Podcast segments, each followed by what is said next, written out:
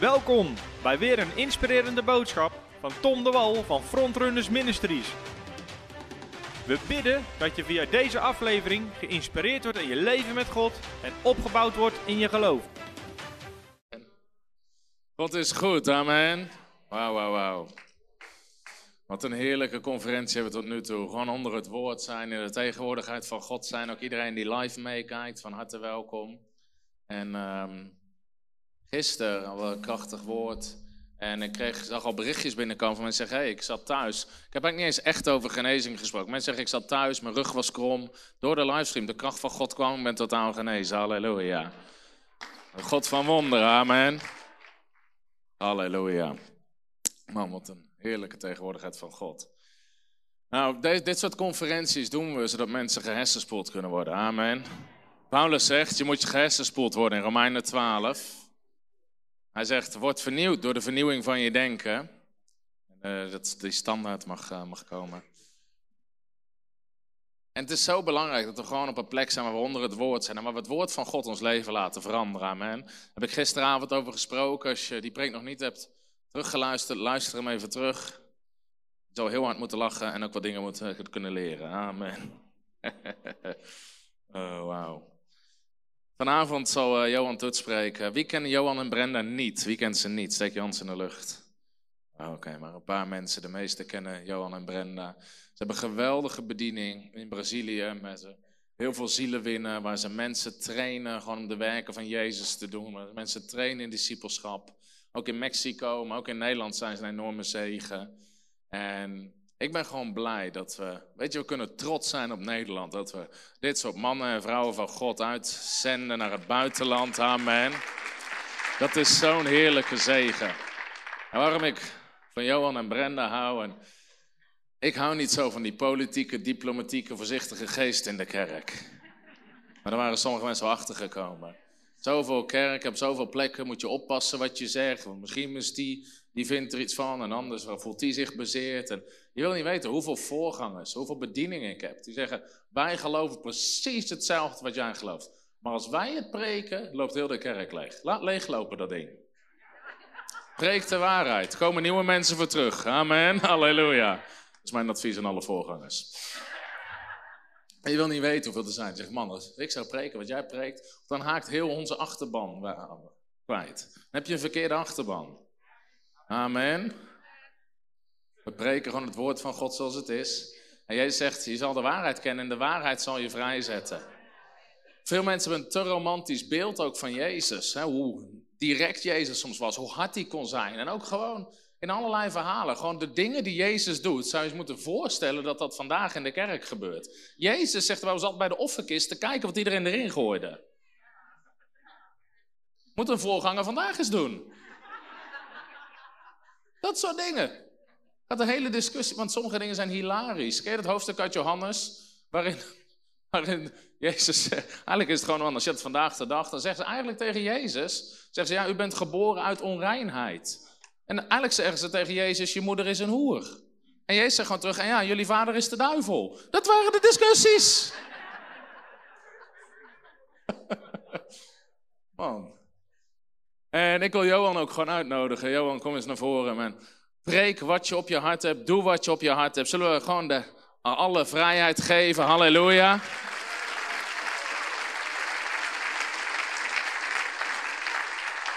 Misschien doet de waarheid pijn voordat het vrijzet, maar. Oh, kijk. Hij doet het nog. Hey, heel veel zegen. Halleluja.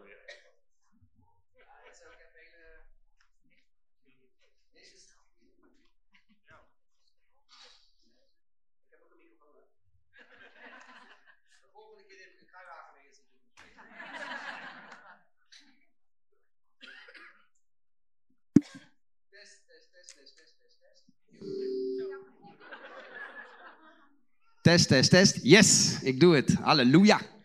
Goedenavond allemaal. Hebben jullie er een beetje zin in? Jee, ik hoor iedereen helemaal blij. Helemaal blij. oh, ik galm een beetje. En dat ben ik niet. Dat is de microfoon. hey, um, ik ben echt gezegend om hier te zijn. En het is gewoon een fantastische conferentie. Er gebeuren hele mooie dingen. En uh, God is gewoon trouw aan zijn woord, amen. We staan er gewoon bij, we kijken ernaar. Het enige wat wij doen is geloven wat hij zegt. En uh, God doet de rest, hè. Dus uh, het is gewoon hartstikke mooi. En um, ja, ik vind het gewoon top om hier te zijn, om het woord te delen. Sommigen van jullie, die kennen mij al en een paar mensen kennen mij misschien niet. Ik schuif me een stukje hier naartoe, want dan leg ik dat beneden. Anders ben ik aan het leunen, weet je. Dan maak in één keer een kopduikeling hier zo.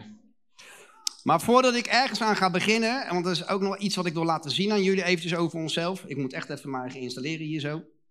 Um, ik, ik, heb het, ik heb het idee dat er iemand is hier zo, die is meegenomen door iemand of wat dan ook en die kent Jezus nog niet. Of die heeft wel van Jezus gehoord, komt wel in de kerk, maar die heeft nooit echt bewust een keuze gemaakt om Jezus Heer en verlosser te maken van zijn leven. En um, ik zou echt uh, het heel vervelend vinden als ik niet de gelegenheid gaf om jou dan vandaag op dit moment tot, Heer te mogen leiden. Dus wie van jou, wie, wie, van jullie is dat die Jezus nog niet kent, maar die is meegenomen door iemand hier naartoe?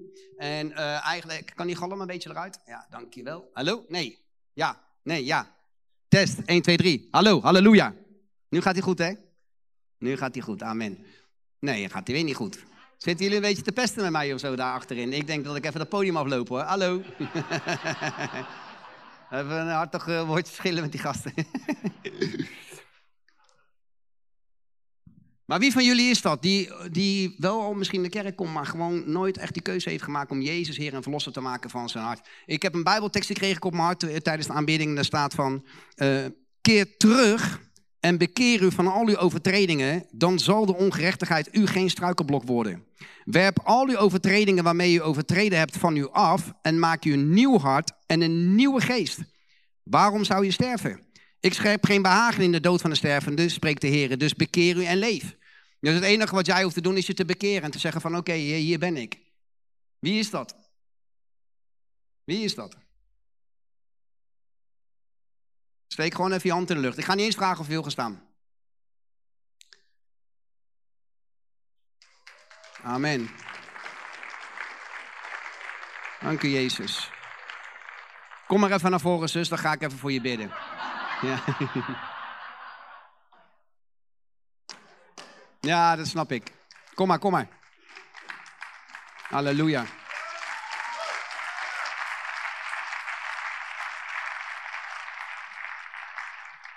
Amen, amen, amen, amen. Kom even op podium snel.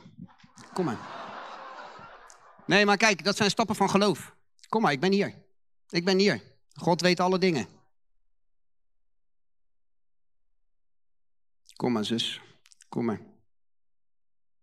Nee, nee, natuurlijk doen we niet op televisie. Nee joh, alleen op heel social media, maar dat maakt toch verder niet uit. Halleluja. ik ben bij jou, ik ben bij jou. Ik ben bij jou. Op deze leeftijd. Ja, ja maar eh, ze zegt op deze leeftijd, maar weet, Eindelijk. eindelijk ja. Weet je hoe belangrijk het is? Dit is voor de rest van je leven. Voor de rest van je leven. Krijg je geen spijt van, echt niet. Weet je, al was jij de enige gedurende de hele conferentie hier zo, die aangeraakt zou worden, dan was het de moeite waard om hier te zijn. Echt. Amen. Gaan we samen bidden? Gaan we samen bidden? Geef me je hand. Dit, dit gaat om je hart, hè? Jij moet je bekeren in je hart. Dat je je afwendt van je oude leven. Dat je je afwendt van al die dingen waar je het in zelf hebt geprobeerd. Ja, je moet je ervan afwenden, zus. Ja. Ja. Amen. En hier sta je dan. Ja. Zeg maar, vader, ik geloof Ik geloof dat Jezus dat de Heer Jezus uw zoon is. uw zoon is En dat hij voor mij is gestorven. en dat hij voor mij Is gestorven. Ik geloof Ik geloof dat Jezus dat Jezus is opgestaan is opgestaan en dat hij nu leeft. en dat hij nu leeft. Koning Jezus, Koning Jezus, ik neem u nu aan ik neem u nu aan als mijn Heer als mijn Heer en als mijn Verlosser. en als mijn verlosser. Kom in mijn leven. Kom in mijn leven. Ik bekeer mij. Ik bekeer me. Ik wil uw kind zijn. Ik wil uw kind zijn. En ik geloof En ik geloof dat ik nu vergeven ben, en dat ik nu vergeven ben, rechtvaardig ben rechtvaardig en heilig ben. en heilig ben. Ik bid Ik bid, in de naam van Jezus. bid in de naam. Amen. Amen, amen. Dank u wel, Vader. Heilige Geest, op dit moment Kom met uw liefde, met uw kracht op dit moment. Raak aan. Ik verbreek elke vorm van duisternis, elke gebondenheid, elk juk, alles wat je heeft geprobeerd te tackelen. Ik verbreek het nu in de naam van Jezus.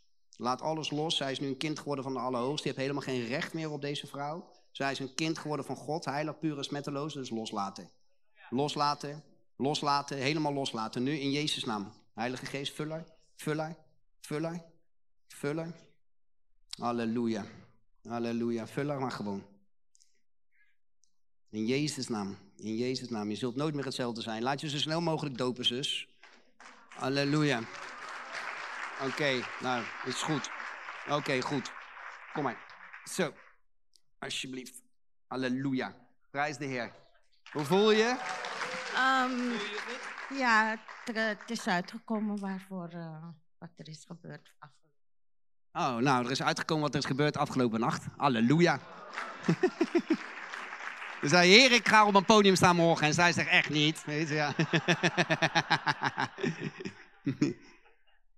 Miljoenen mensen kunnen je zien op social media. Echt niet. Halleluja. Zo belangrijk, jongens. We lachen erom, weet je, maar ik wou dat de mensen zo naar mij toegekomen waren in het verleden. Dan hadden we een hoop ellende bespaard gebleven. Al die jaren in de duisternis, al die jaren in ellende. Al die jaren zwaar verslaafd, al die jaren gewoon compleet geroofd door alles en nog wat. Al die jaren niet goed genoeg gevoeld. Hun leven vergooid. Gewoon vergooid. Dus eh, het is zo belangrijk, weet je. Dit is waar mijn hart voor brandt gewoon, om mensen te winnen voor koning Jezus. Dit is, dat is waar God mij voor geroepen heeft, weet je. Ik kan, als het aan mij ligt, ik schreeuw het van de daken. Het gaat mij alleen maar om koning Jezus, dat je hem kent en geef hem op zijn minst een kans. Weet je, werp het niet weg en zeg gewoon, oké, ik snap helemaal niks van, maar ik geef het een kans. Weet je, omdat ik geloof gewoon dat als hij je aanraakt, als je één aanraking hebt van de koning, één ontmoeting hebt met de levende God, dat je nooit meer hetzelfde kunt zijn. Jouw leven kan nooit meer hetzelfde zijn naar een ontmoeting met de levende God. Nou, dit is gewoon zo belangrijk, weet je. Dus eh, ik heb een videootje van de campagnes die wij doen in het buitenland en eh, kunnen we die eventjes laten zien.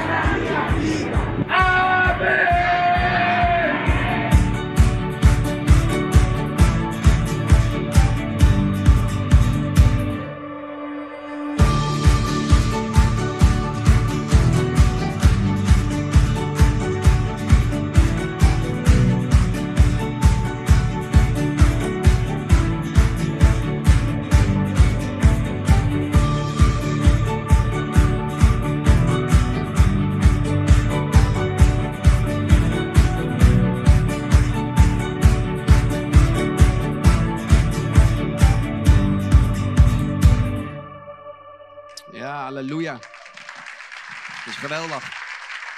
Wij, eh, wij zijn net terug uit eh, Mexico en eh, we hebben ook een geweldige tijd gehad daar zo, waarvan ze zeiden dat het harde grond was, maar daar hebben wij helemaal niks van gemerkt. We zoveel mensen gewonnen zien worden voor Koning Jezus, zoveel mensen aangeraakt, fantastisch. Allemaal open deuren. We zien gewoon tienduizenden mensen gewoon door alleen ons heen al tot geloof komen. Denk als we allemaal op gaan staan, hé? Als we allemaal gewoon op gaan staan en gewoon gaan doen wat God ons voor heeft geroepen, wat een impact mogen we dan maken met elkaar. Het is toch gewoon fantastisch? Want ik weet dat ik het niet ben, ik weet dat hij het is. Maar goed, die ezel die Jezus op zijn rug had, die zei ook niet van, ja, ik ben het niet, ik ben het niet, toen ze die bladeren voor hem neergooiden. Hij was gewoon blij dat hij Jezus mocht dragen. Ik ben gewoon blij dat ik Jezus mag dragen. Amen. Ehm, even kijken, want er waren nog een paar dingen die ik moet delen, want anders krijg ik op mijn donder van het thuisteam. Eh, en dat is, eh, ik eh, schrijf ook wat boeken. En niet zoveel als de Tom, maar ik schrijf ze wel. En die van mij lopen echt als een tiet ook. Oh ja, nou, oké, ik wou wat dingen zeggen, maar ik doe niet. In ieder geval, dit, is, eh, dit, eh, dit boek gaat over mijn leven. En eh, een stukje oud leven en dan een stukje nieuw leven. Dus oud testament, nieuw testament. gewoon. onder de wet en toen onder de genade.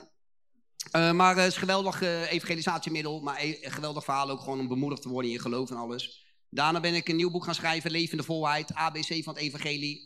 Je kunt ze gratis pakken bij de stand daar zo. En ehm, dan eh, kun je ook wat informatie krijgen over onze e-mail, of, eh, e-mails, over onze One Missions die we organiseren naar Brazilië. Legt er ook allemaal over het event wat er aankomt. Nou ja, en dat soort dingen allemaal. Heb ik genoeg gezegd zo, schat? Want eh, moet ik nog meer zeggen? ik vind dat altijd zo lastig. Ik wil gewoon preken. Laat mij met rust. ja. ja, toch? Er is daar een stand te leggen van alles. Als je wat wil weten, ga je daar lekker naartoe. Ja? Oké. zo, laat ik dat hier leggen. Amen. Hey, ik, eh, ik was gevraagd door, ehm, eh, door de River Church om ehm, iets te komen delen over financiën. En eh, ik dacht van ja, tuurlijk, want dan krijg ik lekker die bagger over me heen op eh, social media. want als je opstaat en je begint over het evangelie te prediken, je begint het eh, over voorspoed te hebben, of over financiën te hebben, of wat dan ook. Nou, dan komt de hele wereld over je heen. Iedereen vindt er wat van, ze hebben allemaal opmerkingen, ze hebben allemaal wat op aan te merken. Maar weet je, eh, ja, op een of andere manier interesseert me dat gewoon geen fluit. want het woord van God zegt dit, en als het woord van God het zegt, dan is het zo. Amen. Dus uh, ja, en ik had die boodschap, uh, die had ik uh, op hart gekregen. En dat was heel bijzonder, want toevallig kreeg ik gisteren een boodschap van uh, mezelf via mijn mediaagent gestuurd. Hij zegt, ja, kunnen we deze gebruiken? Sta je hier nog achter? Dus ik gisteravond laat, was om één uur s'nachts of zo, ik, ik, kijk hem even terug. En ik hoorde me gewoon precies dezelfde dingen preken die ik afgelopen donderdag in de River heb gepredikt. En ik dacht van, ja, hoe mooi is dat eigenlijk, weet je? Dat zit er gewoon in. En je staat er niet eens bij stil, maar die waarheid verandert gewoon nooit. Weet je, het is gewoon zo mooi om te zien dat ik dacht bij mezelf van, oh wauw, dat wist ik toen al joh. Weet je, gewoon. Terwijl ik nu zie zoals van, ik heb allemaal mooie nieuwe dingen, maar dat wist ik toen al. dus, uh, maar uh, uh, vanavond ga ik ook die boodschap delen, omdat God tegen mij zei van, Johan, ik wil dat je het in elke gemeente gaat delen waar je gaat spreken de komende tijd. Omdat ik denk dat het belangrijk is, en nou niet denk, weet zeker dat het belangrijk is, om God zegt tegen mij van, het wordt tijd dat ze gaan zien waarom ze moeten geven. Nou, dat zijn een hele enkele aan. ik wist al dat ik het meest populaire onderwerp had van het hele conferentie. hier zo. Maar het is zo belangrijk omdat de motivatie van ons, uh, zeg maar, heel vaak gewoon verkeerd is waarom we geven. En uh, ook uh, is het omdat het ons zo is geleerd. Hè? Het is ons geleerd om op een bepaalde manier te geven, met bepaalde beloftes te aan verbonden en zo. En we zijn ervan uitgegaan en het werkt niet. En, dan, en dan kun je je afvragen, ja, waarom niet? Nou, omdat je op de verkeerde motivatie, vanuit de verkeerde bewo bewogenheid, vanuit de verkeerde hartsgesteldheid uh, bent gaan geven. En daar hoop ik vanavond wat verandering in te brengen. Uh, weet je, maar God die wil ons wel voorspoedig, lieve mensen. Hij wil ons echt voorspoedig. Weet je, er is zoveel uh, over uh, te doen in het lichaam van Christus. Er is zoveel uh, dwaling over en er zoveel onzin over verkondigd... dat heel veel mensen een hart hebben gesloten voor uh, voorspoed, voor financiële voorspoed, voor hetgene wat God voor ons tot stand heeft gebracht met de dood en opstanding van koning Jezus. En omdat ze de harten voor gesloten hebben, worden zij geroofd van een leven in overvloed dat God voor hen heeft. Ze worden gewoon geroofd. Weet je, en uh, nou kun je denken van ja, maar waarom is dat dan zo belangrijk? Nou, omdat als jij uh, niet geroofd wordt en dus dat leven in overvloed leeft, kun je impact maken. Jij kunt impact maken met je financiën en daar ga ik het vanavond over hebben, hoe je dat dan precies kunt doen. Maar toen ik tot geloof kwam, dacht ik ook dat geld slecht was. En dan met name grote hoeveelheden daarvan.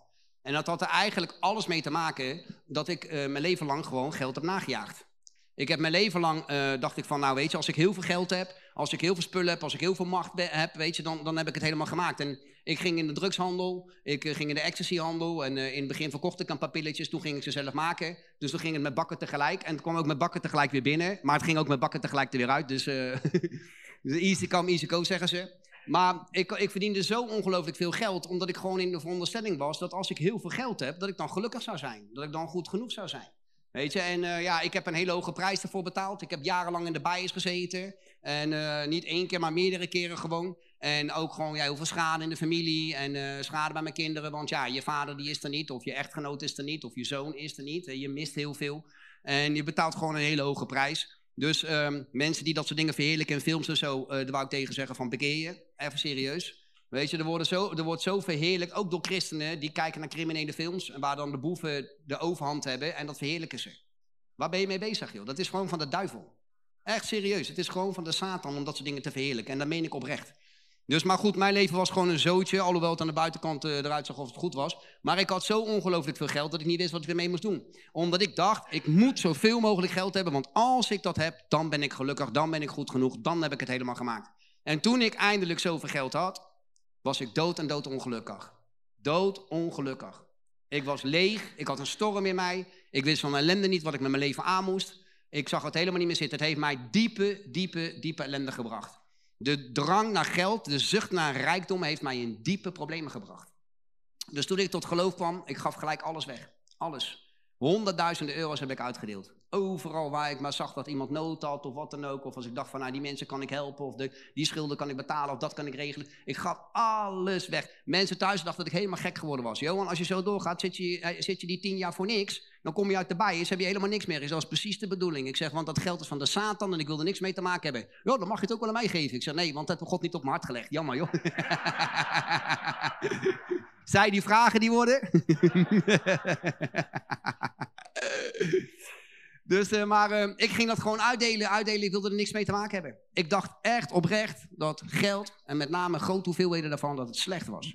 Totdat ik op mijn vingers werd getikt en ik uh, het woord van God begon te ontdekken over financiën. En dat transformeerde mijn hele, hele leven. In 1 Timotheüs 6 vers 9 staat dat ehm, wie rijk willen worden, die vallen in een verzoeking en in een strik en allerlei dwaze en schadelijke begeerten die de mensen doen wegzinken in verderf en in ondergang. Want geldzucht is de wortel van alle kwaad. Geldzucht is de wortel van alle kwaad. Door daarna te verlangen zijn sommigen van het geloof afgedwaald en hebben zich met vele smarten doorstoken. Weet je, dus geld zelf is niet slecht. Geld is absoluut niet slecht. Het kan ook eigenlijk helemaal niet slecht zijn, want het groeit aan een boom. Ja, het is gewoon papier wat gewoon van een boom afkomt. En wij hebben de waarde aangegeven, maar het is gewoon een boom. En een boom is gemaakt door God. Kan nooit slecht zijn, toch? amen of niet amen? Ik denk misschien die Johan die denkt heel ver door, maar zo is het gewoon. Wij hebben er iets opgezet en gezegd, dat is het waard. Maar het is gewoon papier. en het is niet slecht. Geldzucht is slecht. Als jouw identiteit ligt in wat je hebt, als jouw identiteit ligt in hoeveel geld jij kunt verdienen, hoeveel geld jij kunt hebben en dat alles draait om geld, jij wil alleen maar meer en meer en meer voor jezelf en je doet niet met die financiële voorspoed, je doet niet met die overvloed waar het toe dient, dan heb je gewoon de plan compleet misgeslagen. Compleet misgeslagen. Als jij God geeft, zodat hij jou steeds meer en meer kan geven, en je dus zelf in wilde wil kunt gaan leven en zelf dingen kunt gaan doen. Lekker de bloemetjes buiten zetten, lekker gek doen. Kopen wat je wil, doen en laten wat je wil. En daarbij niet doet waar het werkelijk toe dient, lieve mensen, dan kun je dat gewoon vergeten. Want dat is niet wat voorspoed is in het Koninkrijk van God. Dat is niet wat het is. En heel veel mensen die denken wel dat dat voorspoed is. Gods idee van voorspoed is niet dat jij in een groter huis kunt wonen, dat jij in een mooiere auto kunt rijden, dat jij een duurdere klok kunt dragen, dat jij mooie sieraden kunt hebben, dat je de duurste vakanties kunt uitzoeken en weet ik wat allemaal. En dat, en dat je dan voorspoedig bent. Dat is hoe de wereld denkt. Dat is echt hoe de wereld denkt. Hoe meer ik heb, hoe rijker ik ben, hoe groter ik ben, hoe voorspoediger ik ben. Maar dat is geestelijke armoede als jij denkt dat dat voorspoed is. Als jij denkt dat dat die financiële voorspoed wil spiegelt die het koninkrijk van God ons belooft. Dat is het echt niet. Nou, ik hoor weinig amen. Gelukkig geloof ik het zelf. Geld, lieve mensen, is het minste in het koninkrijk van God. Het aller, allerminste. Weet je, voorspoed bevat zoveel meer dan alleen mijn financiën. Weet je, als je voorspoedig bent in je gezondheid, dat je voorspoedig bent in je relaties, dat je voorspoedig bent in je wandel en je handel, in, in alles wat je onderneemt en alles wat je aanraakt, dat je gewoon voorspoed ervaart in al die facetten van je leven. Dit is allemaal voorspoed in het koninkrijk van God. En financiële voorspoed is gewoon het minste daarvan. Het is het minste waar je God voor kunt geloven. En net als bij al die andere aspecten over voorspoed, dus waar je je denken over moet gaan vernieuwen, over wie je bent en wat je toekomt, wat zijn beloften zijn en al die dingen die op je rekening zijn bijgeschreven toen je ja zei tegen koning Jezus. Zo moet je ook over financiële voorspoed, over financiële overwinning, of hoe je het ook wil noemen, overvloed, uh, moet jij je denken gaan vernieuwen over wat het woord van God zegt. Want voorspoedig word je niet door wat je geeft. Auw. Ik weet zeker dat dit een auw is voor heel veel mensen. Voorspoedig word je niet door hoeveel je geeft. Voorspoedig ben je ook niet door hoeveel je hebt. Snappen jullie dat of niet? Nee, eh, zitten we nou in in een katholieke kerk of zo, waar niks gezegd mag worden of zo? ik weet het niet. Voorspoedig, dat woordje niet door hoeveel je geeft. En voorspoedig ben je ook niet door hoeveel je hebt. Maar voorspoedig ben je door wie je bent. Jij bent een kind van God en daarom ben jij voorspoedig. Het is jouw ware identiteit als kind van de Allerhoogste. Het is een afspiegeling van wie jij bent als kind van God. Jij bent voorspoedig omdat je zijn kind bent. Niet om wat je geeft of om wat je hebt, maar om wie jij bent. En als je dat gaat realiseren, dan verandert er heel veel voor jou. Werkelijk heel veel voor jou. Ik, weet je, het is een heel mooi voorbeeld in de Bijbel van Jozef. Jozef, die was gewoon gestript van alles wat hij had. In de natuurlijke bezat hij helemaal niks. Ik zei wel eens, van, uh, als ik dit soort uh, voorbeelden aanhaal over Jozef, van hij was zo arm als een kerkrat. maar daar, dat kan je niet zeggen in een kerk natuurlijk. dus uh, nu is hij straatarm, zeg maar. Dus, in de wereld. Wereldarm. Maar hij was gewoon in natuurlijke, was hij gewoon straat en straatarm. Hij had helemaal niks, 0,0,0 om op terug te vallen. Hij werd verkocht als een slaaf door de woestijn, kwam in Egypte, werd daar als slaaf neergezet om verkocht te worden aan de Egyptenaren, aan Potifar, die hem uiteindelijk dan kocht. Weet je, dus in de natuurlijke was hij zo arm als maar kon zijn. Maar toch zegt God dat hij een voorspoedig man is. Niet om wat hij bezat. Genesis 39, vers 2 zegt, en de Heere was met Jozef, zodat hij een voorspoedig man was. De Heere was met Jozef, zodat hij een voorspoedig man was. Waarom was hij voorspoedig? Waarom was hij voorspoedig? Omdat de Heere met Jozef was. Is de Heer ook met jou? Amen. De Heer is met jou. Hij is, niet voor, hij is voor jou en niet tegen jou. Hij is met jou. Hij die jouw geluk voor ogen heeft en niet jouw ongeluk. Hij die jou gezegend heeft met alle geestelijke zegen in de hemelse gewesten. Hij die is hand op jou rust. Hij is met jou en hij is voor jou en hij is niet tegen jou. Hij is niet de El Chipo, de El Pobrecito. Hij is de El Shaddai, de God die meer dan genoeg is. De God die meer dan genoeg is, is met jou. De God die de hemel en de aarde uh, bezit, die al het goud en al het zilver van deze aarde bevat, uh, bezit. Hij is met jou en hij is voor jou. Kun je dat even zeggen? God is met mij. Hij is met mij. En daarom ben ik voorspoedig. Amen. Het is zo belangrijk. Als jij je gaat realiseren dat God met jou is. En dat hij voor jou is en niet tegen jou is. Zullen je dagen van gebrek en ellende en armoede over zijn in Jezus' naam. Amen. Werkelijk waar. Werkelijk, als jij eenmaal weet dat je voorspoedig bent, ga je nooit meer geven om voorspoedig te worden. Maar dan ga je geven omdat je voorspoedig bent. Amen. Dat is een prachtige mooie hartsgesteldheid. Als je vanuit die manier uh, omgaat met die dingen van het Koninkrijk van God.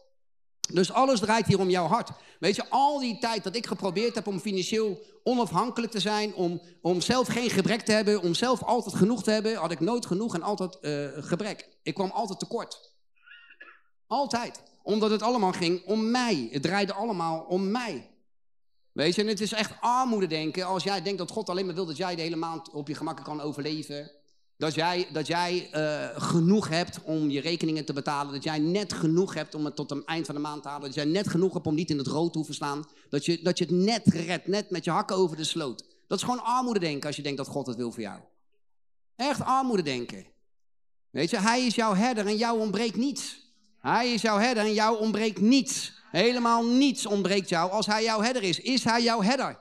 Is hij jouw herder? Dan ontbreekt jou helemaal niets. Want hij doet je neerliggen in grazige weiden. Hij leidt je zachtjes naar stille wateren. Hij verkwikt je ziel en leidt je in de weg van de gerechtigheid omwille van zijn naam. Al ga je door een dal vol schade van de dood, je hoeft geen kwaad te vrezen, want hij is bij jou. Zijn stok en zijn straf vertroosten jou. Hij beschermt jou. Hij maakt de tafel gereed voor de ogen van al jouw tegenstanders. Hij zal je hoofd met olie, zalven. Jouw beker loopt over. Zijn goedheid en zijn goede tierendheid zullen jou volgen al de dagen van je leven, want hij is jouw herder. Hij is jouw herder, dus jou ontbreekt helemaal niets. 0,0,0,0,0. Wie heb je wel eens gebrek? Ik zie wat handen. maar twijfelachtig. Even serieus, wie heb je wel eens gebrek? Oké, ik, zie, ik zie aardig wat handen. In dat gebied van je gebrek, daar moet je de Heer de herder maken. Daar moet je een herder over maken, over dat gebied. Want als hij daar herder over is, dan ontbreekt jou Niets. Helemaal niets. Die psalm 23, wat een algemeen superbekende psalm is of gewoon. Maar dat is, gewoon, dat is voor mij gewoon zo'n lifeline geworden. Omdat iedere keer als ik door een bepaalde situatie heen ga in mijn leven, iedere keer als ik uitdagingen heb, dan komt dat bij me naar boven. De Heer is mijn herder en mij ontbreekt niets. Zijn goedheid en zijn goederentierendheid zullen mij volgen al de dagen van mijn leven. Nou, dat is dus niet vandaag wel, morgen niet en overmorgen misschien wel. Nee, al de dagen van mijn leven zal zijn goedheid en zijn goederentierendheid mij volgen. Wij staan voor zulke grote uitdagingen. Wij hebben soms zoveel geloof nodig voor dingen, om dingen tot stand te brengen. Dan zegt God tegen mij in één keer van, ik wil dat je een campagne gaat geven voor 10.000 mensen. En ik wil dat je 10.000 voedselpakketten weg gaat geven. En et cetera, et cetera, et cetera. En jij betaalt de rekening. Oké, heer, uh, dat is prima, maar ik heb het niet, hè. Even gewoon voor het geval dat u dat misschien niet wist. Ik heb het niet, zeg maar. Het is niet zo dat ik het heb liggen. Weet je, maar hij zegt wanneer jij betaalt de rekening niet, ik betaal de rekening. Maar wanneer dat soort dingen komen, heb ik geloof nodig. Ik moet weten wie ik ben, ik moet weten wat hij zegt en dan weet ik van wacht eventjes. Hij vraagt niet iets van mij als hij niet ook mij in staat zou stellen om het te doen. Ik hoor zoveel mensen zeggen, ik wil wel op missie naar Brazilië, maar ja, ik heb geen geld. Ga God geloven. Als jij op begint te staan voor hem, gaat hij gewoon voorzien. Dan mag je gewoon op vertrouwen. Denk je echt dat één boom voor God te veel gevraagd is? Het stelt helemaal niks voor. De hele wereld staat vol met bomen. Echt, werkelijk waar, lieve mensen. Weet je, ga hem gewoon geloven. Dus, en ik geloof hem dan gewoon. De Heer is mijn herder. Mij ontbreekt niets. Mij ontbreekt niets. Zijn goedheid en zijn goederentierendheid zullen mij volgen al de dagen van mijn leven. Jezus zegt, zoek eerst mijn koninkrijk en mijn gerechtigheid. En al die andere dingen zullen je erbij gegeven worden. Hé, hey, wacht even. Ik heb gebrek. Hoe komt dat? Omdat ik het koninkrijk van God niet zoek. Want als ik het koninkrijk van God wel zoek en zijn gerechtigheid, dan zullen al die andere dingen mij erbij gegeven worden. Waarom? Omdat in zijn koninkrijk is geen gebrek. In zijn koninkrijk is overvloed en gunst en zegen en welvaart en voorspoed. Oh, in zijn, over, in zijn koninkrijk is 0,0 gebrek, alleen maar belachelijke overvloed. Belachelijke overvloed. En zijn gerechtigheid die we vinden in Christus Jezus, die brengt automatisch overvloed met zich mee. Wist je dat? Jezus zegt, de Satan is gekomen om te stelen, te slachten en verloren te laten gaan. Maar ik ben gekomen om zijn leven hebben en overvloed hebben. Niet alleen leven, maar ook overvloed. Want als je leeft zonder overvloed, heb je geen leven.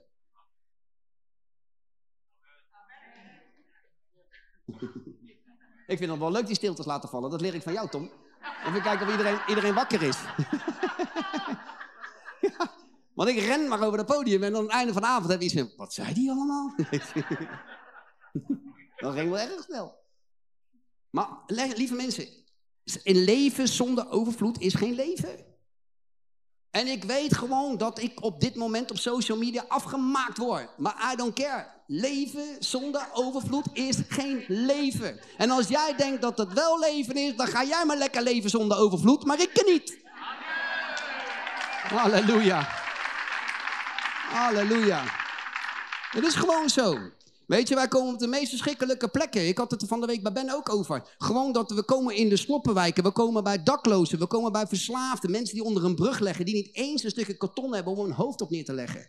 Kinderen die erop uitgestuurd worden om te stelen, om te bedelen, om op vuilnisbelten te kijken of ze wat kunnen verzamelen, wat kunnen vinden op hun blote voetjes. Weet je, moeders die zichzelf prostitueren, zodat ze s'avonds een bord rijst voor hun kinderen neer kunnen zetten. Hoe bedoel je dat daar, uh, dat daar leven in zit? Dat is geen leven.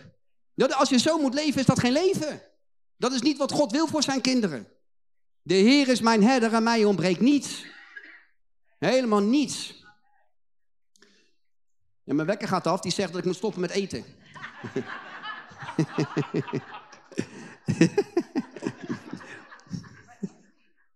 In de binnenkant van mijn, van mijn jas gehad. ik doe aan intermittent fasting. Dus dan mag je maar zoveel uur per dag eten en zoveel uur niet. Dus ik heb er een wekker voor, anders vergeet ik het. dus ik heb niet gelogen. er staat echt letterlijk stop eten. Stop met eten, staat er. stop met eten. en dan zeg ik iedere keer tegen het ding, dat maak ik zelf wel uit.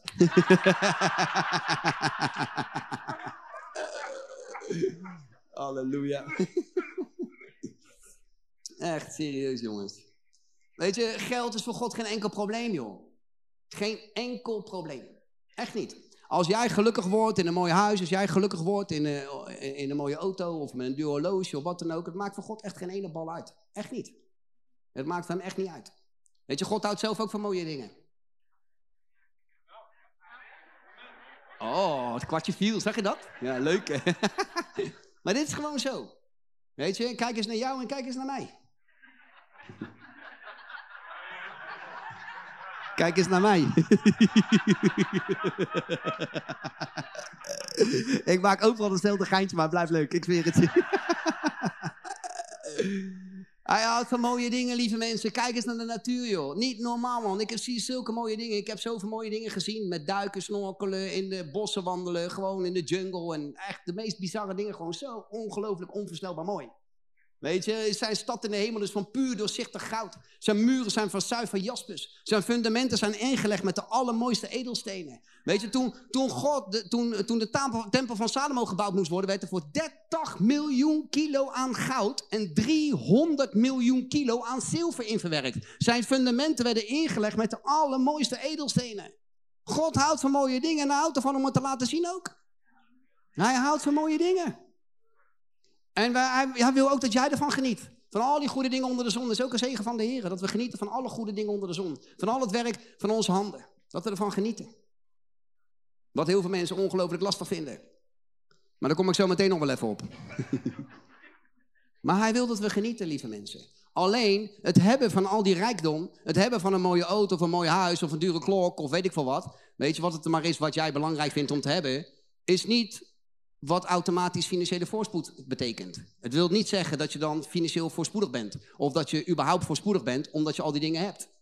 Voorspoed, ware voorspoed, komt pas tot stand op het moment dat jij genoeg hebt van Gods middelen om zelf geen enkel gebrek te hebben en daarbij overvloedig kunt zijn voor, tot zegen voor een ander. Dat je overvloedig kunt zaaien in het koninkrijk van God. Dat je overvloedig verschil kunt maken met jouw financiën, met jouw zaad. Dat is pas financiële voorspoed. Niets dat jij alles hebt en dan voor de rest helemaal er niks mee doet. Dat is geen voorspoed. Dat is armoede. Ik ken mensen die hebben echt belachelijk veel geld. Belachelijk veel geld. Die ken ik persoonlijk. sommige mensen staan zelfs in de quote 500. Die hebben heel, heel, heel erg veel geld. En ze hebben alles. Mooie boten. Nou, misschien dat ze zelfs met een helikopter van één hotel naar een ander hotel vliegen. Rijden in dure auto's. Hebben alles, alles, alles wat een hartje begeert. Maar ze hebben eigenlijk helemaal niks. Helemaal niks. Want als jij dadelijk bij bij de hemelse vader staat en die zegt eh, van, nou weet je, ik heb je al die miljoenen heb ik je toevertrouwd, wat heb je ermee gedaan? Nou, ik heb een prachtig mooi jacht gekocht en een dik huis, ja mooi, maar zo. Ik had elke dag een andere Rolex om en ik had zoveel diamanten, ik leek wel een kerstboom, zo schitterde ik. Ik had het helemaal voor elkaar in mijn leven. Wat een topleven en nog bedankt hè vader. maar dan zou hij zeggen van, heb je niet gedaan met hetgene wat ik je heb toevertrouwd, wat je ermee had moeten doen. En ben je ook niet voorspoedig geweest, maar ben je armoedig geweest. Dit is gewoon armoede, geestelijke armoede, echt serieus. Weet je, dus voorspoed, echte voorspoed, ware voorspoed, waar het koninkrijk van God het over heeft, is dat je genoeg hebt van zijn middelen om overvloedig tot zegen te kunnen zijn van anderen en zelf geen gebrek te hebben. Weet je, dus genoeg en extra is financiële voorspoed. Genoeg en extra is financiële voorspoed, lieve mensen. En om dat te kunnen bereiken, of om dat te willen bereiken, want het is ook heel erg belangrijk. Um, ik wil voorspoedig zijn. Ik ga het in de camera zeggen, zodat heel Nederland mee mag genieten.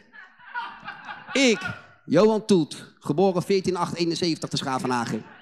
Verklaar hier tegenover de hemel en tegenover de levende God en alle engelen en over de hele wereld. Ik wil voorspoedig zijn. Ik wil multi, multi, multi, multimiljonair zijn. Ik wil zoveel geld hebben en zo rijk zijn... dat, dat de andere rijken gewoon strontjeloers worden op me. Zo rijk wil ik zijn. Dat Bill Gates niks heeft vergeleken met wat ik heb.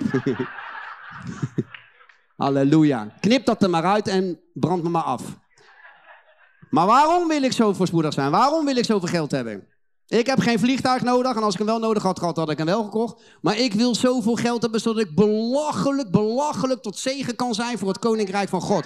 Dat ik iedereen kan bereiken die je kan bereiken.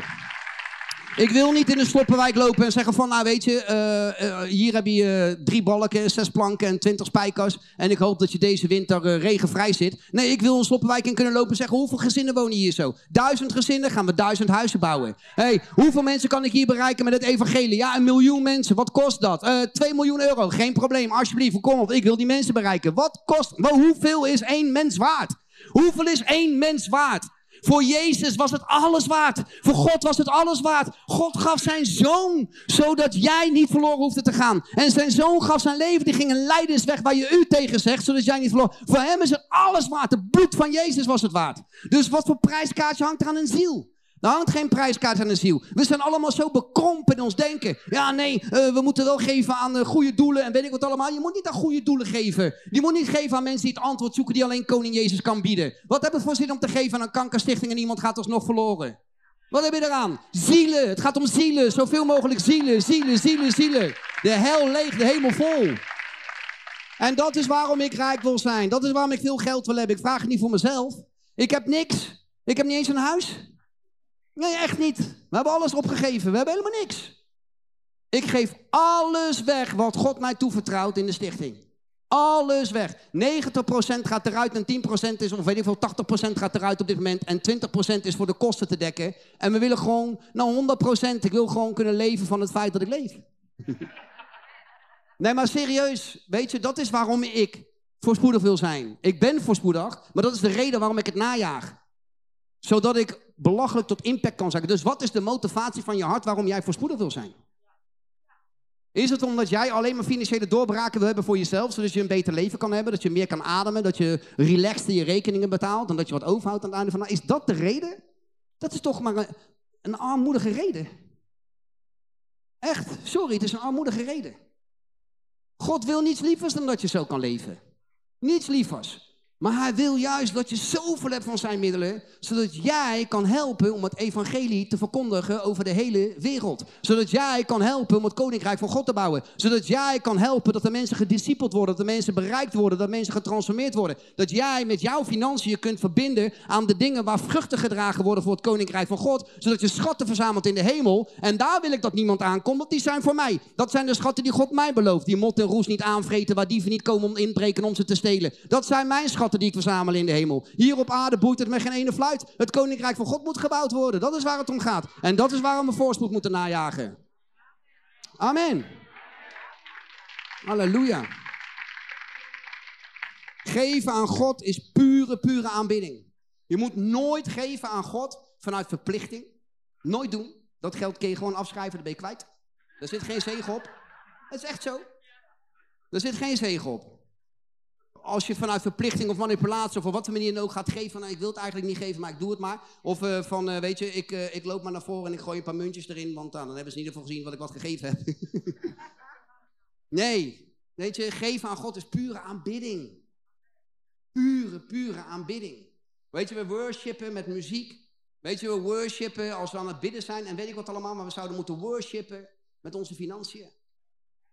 Met het minste waar we ermee kunnen aanbidden moeten we hem op zijn minst goed aanbidden. Met heel ons hart en heel onze ziel.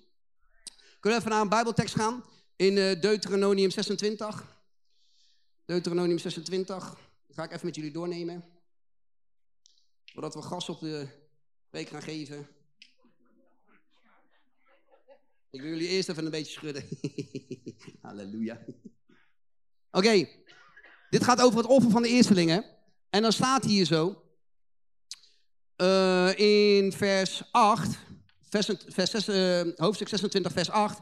En de Heere leidde ons uit Egypte met een sterke hand, met uitgestrekte arm en met grote ontzagwekkende daden, met tekenen en met wonderen. En hij bracht ons naar deze plaats en gaf ons dit land. Een land dat overvloeit van melk en honing. En nu, zie, ik heb de eerstelingen van de vruchten van het land dat u, Heere, mij gegeven hebt, gebracht. En dan moeten ze neerzetten voor het aangezicht van de Heere uw God. En u neerbuigen voor het aangezicht van de Heere uw God. En u verblijden over al het goede dat de Heere uw God aan u en uw gezin gegeven heeft. U, de leviet en de vreemdeling die in uw midden is. Dit is zo powerful, man. Is, hij leidde ons uit Egypte. Heeft hij jou niet uit de wereld geleid? Heeft hij jou niet uit de duisternis geleid? Uit de diepe ellende, uit de diepe put waarin je zat, in je gebrokenheid, in je gebondenheid, in je verslavingen en je ellende en je rotzooi en je troep en je overspel en je dwalingen en al je zondepraktijken en ga zo maar door. Heeft hij je niet uit die wereld getrokken, uit die duisternis getrokken en in zijn wonderbaarlijke licht geplaatst met machtige wonderen en tekenen? Want wat voor wonder is het te weten dat koning Jezus voor jou is gestorven zodat jij niet hoeft te sterven en door dat te geloven het ook nog eens een keer waarheid wordt voor je? Hoe bizar is dat? Hij heeft dat voor jou gedaan. Hij trok je uit ellende. Hij trok je uit de wereld. Hij deed het met machtige wonderen en tekenen. En hij bracht ze naar een land, naar een plek van overvloed. Van melk en honing. Een land waarin je kon werken. Waar je in staat was om te kunnen bestaan, te kunnen ademen. Om een dak boven je hoofd te hebben. Om rust te hebben. Om vrede te hebben. Hij bracht ze naar een land van overvloed, lieve mensen. En daarom staat er dat als je dan je offer gaat brengen. Want er staat hier zo dat hij het geeft van. U heeft ons naar, u heeft ons naar deze plaats. En gaf ons dit land. Een land dat van melk en honing.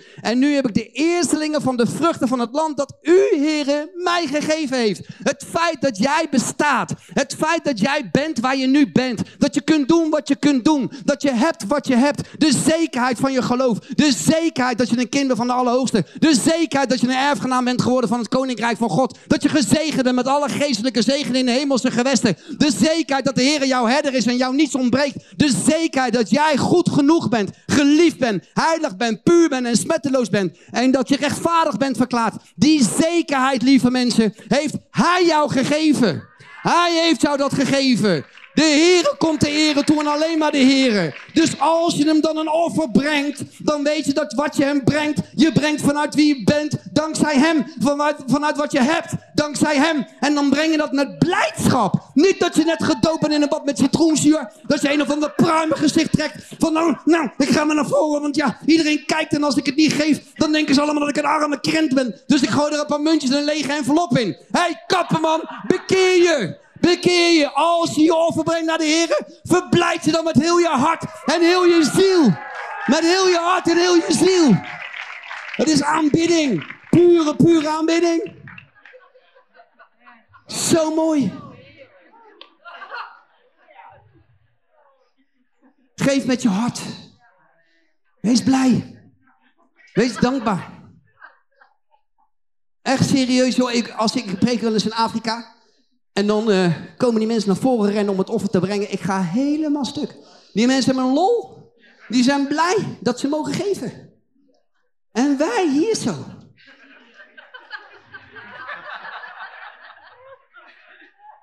Onvoorstelbaar.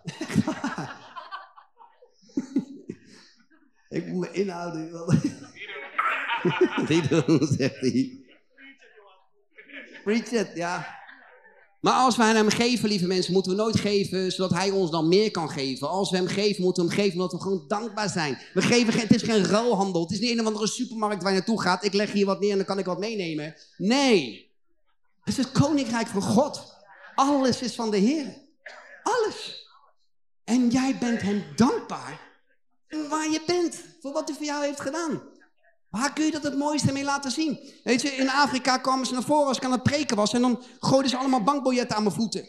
Weet je, en dat was zo'n mooi gebaar. Want God liet mij zien van, dit doen ze omdat het het meest kostbare is wat ze kunnen geven. Naast hun gezondheid, relatie, hè, dus familie. Of, of uh, naast mij is het meest kostbare dat een mens kan geven zijn portemonnee. En zij kwamen mij eren omdat zij gezegend werden. Wilden ze mij zegenen met hun financiën. En dat, dat raakte zo diep mijn hart. Toen dacht ik bij mezelf, man, waarom rennen we in Nederland niet naar voren als ze gezegend worden. En gooien ze bankbiljet aan de voeten van de predikant. Om te zeggen van, joh, ik ben zo gezegend, nu zegen ik jou ook. Maar waarom brengen we onze offers niet naar God op deze wijze? Waarom zijn we niet zo blij dat we iets mogen doen voor de Heer? Oh, ik wil zo graag gebruikt worden door God. Ik wil zo graag iets maar ik heb geen idee wat. Nou, ga hem eerst eens even danken met alles wat je hebt, voor alles wat hij voor je heeft gedaan. Ga dat eens doen voor de Heer. Laat eens zien dat je hem vertrouwt met het minste, zodat hij je het ware kan toevertrouwen. Laat eens zien dat je hem echt vertrouwt met alles wat je hebt en met alles wat je bent. Dat je dankbaar bent en nergens meer aan vastzit.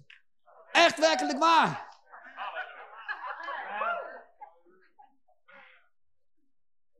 En als je zo begint te geven en zo begint te zaaien, dan zul je nooit geen gebrek meer hebben. Ik garandeer het je. Ik garandeer het je. In de Bijbel staat het verhaal van Zacchaeus in Lucas 19. En um, wat ik gewoon zo mooi vind, ik, ik herken me een beetje in Zacchaeus, alleen Zacchaeus was een stuk kleiner dan ik.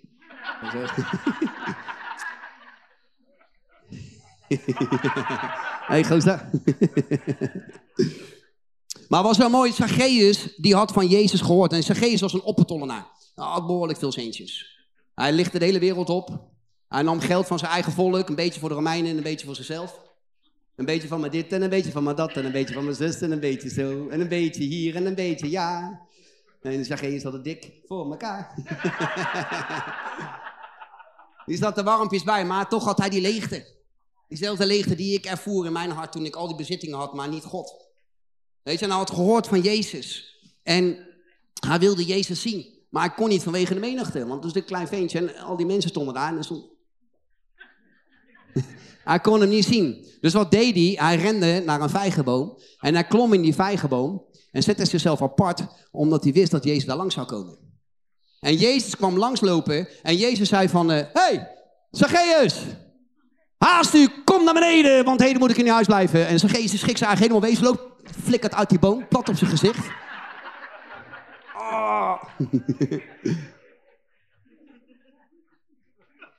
En al die fariseeën die werd geleerd. Zie je dan, hij wil bij een zondaar zijn intrek nemen. God zij dank dat hij bij een zondaar zijn intrek wil nemen. God zij dank dat hij is gekomen voor de zondaren. Oh, dank dat hij is gekomen voor de onrechtvaardigen. Halleluja. Halleluja, dat is precies waar hij voor gekomen is. Deze die wil zijn intrek nemen bij een zondaar. Houd je smoel, man. Wit gepleist, wat graf dat je bent. Adderen gebroed. ik haal, haal, gewoon de woorden van Jezus, hoor. Dus.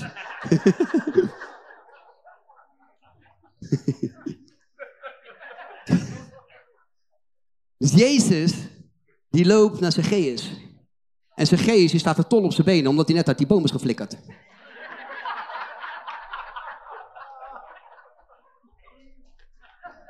Jezus! Hey. De helft van mijn goederen, die, die geef ik aan de armen. En als ik van iemand iets heb afgepest, geef ik hem de vierde terug. En Jezus die zegt tegen hem, ah oh, gossie, Zacchaeus, jongen. Je hebt zo'n klappen gemaakt. Weet je het zeker, ventje? Het is niet niks wat je zegt. De helft van je goederen, vierdubbel terug. Weet je het zeker? Behoorlijke bult.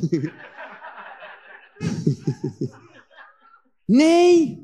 Jezus zei, hey, heden is dit huis ook zaligheid ten deel gevallen. Want ook deze is een zoon van Abraham geworden. Ook deze is een zoon van de zegen, gezegend om tot zegen te zijn. Halleluja. Toen Jezus in het huis kwam van Zacchaeus, kreeg Zacchaeus het hart van God. Een gevend hart. Want God is de allergrootste gever alle tijden. Hij gaf zijn zoon. Zijn zoon gaf zijn leven. En hij kreeg het hart van die grote gever. En begon automatisch te geven. Omdat dat is wie hij is. Hij werd in één keer voorspoedig in de geest. En daarom kon hij zo makkelijk afstand doen van alles. Want hij werd gezegend met de zegen van Abraham om tot zegen te zijn. Halleluja.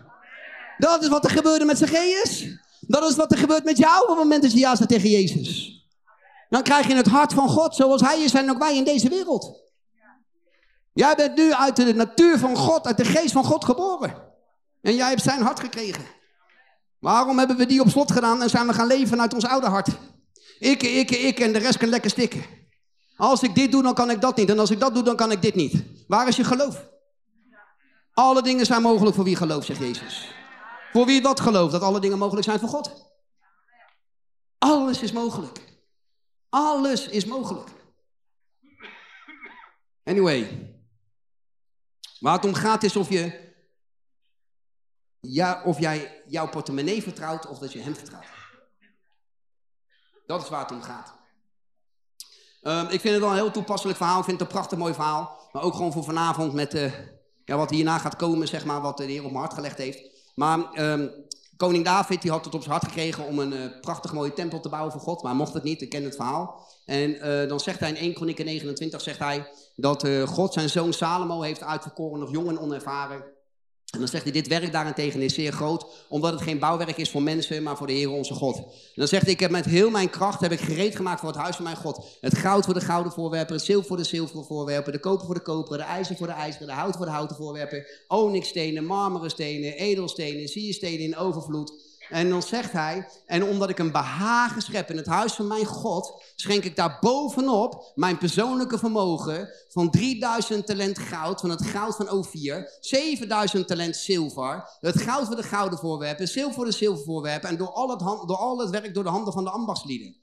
Dus koning David had zijn leven lang al een vermogen vergaard om de tempel te kunnen bekleden, om de tempel aan te kunnen kleden. En daarbovenop kun je nagaan hoe God hem gezegend had en hoe voorspoedig hij was, omdat hij zoveel had, zoveel overvloed dat hij van zijn persoonlijke vermogen 3000 talent goud kon geven.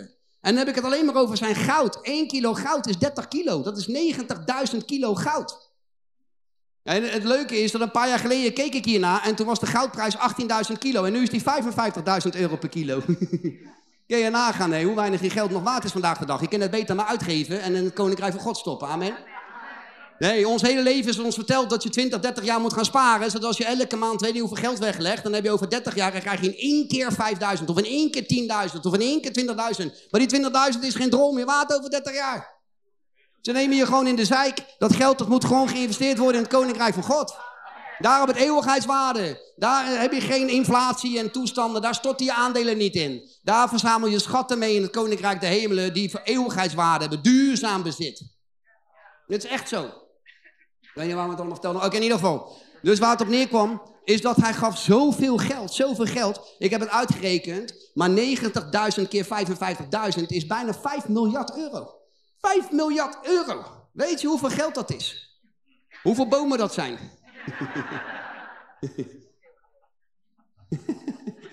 Die heb ik niet geteld, maar ik denk dat het heel veel bomen zijn. Maar lieve mensen, het zijn zulke bizarre astronomische bedragen. Dat kunnen wij ons niet bevatten. Als wij hier, oké, we gaan zo meteen het offer ophalen. Dan krijgen mensen gelijk last van incontinentie. Iedereen die moet gelijk naar de wc. Die telefoons beginnen te rinkelen. Nou, je gelijk een maatje van uh, ellende je darmen de vrije loop. Want het offer wordt opgehaald. Zaal loopt leeg. Iedereen is druk met elkaar. En we vergeten het. Neem het niet persoonlijk als je een goede gever bent.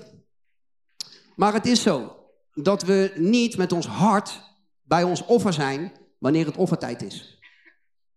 Met heel veel mensen is het zo dat wanneer een offer opgehaald wordt, het een religieuze handeling is of een automatisme.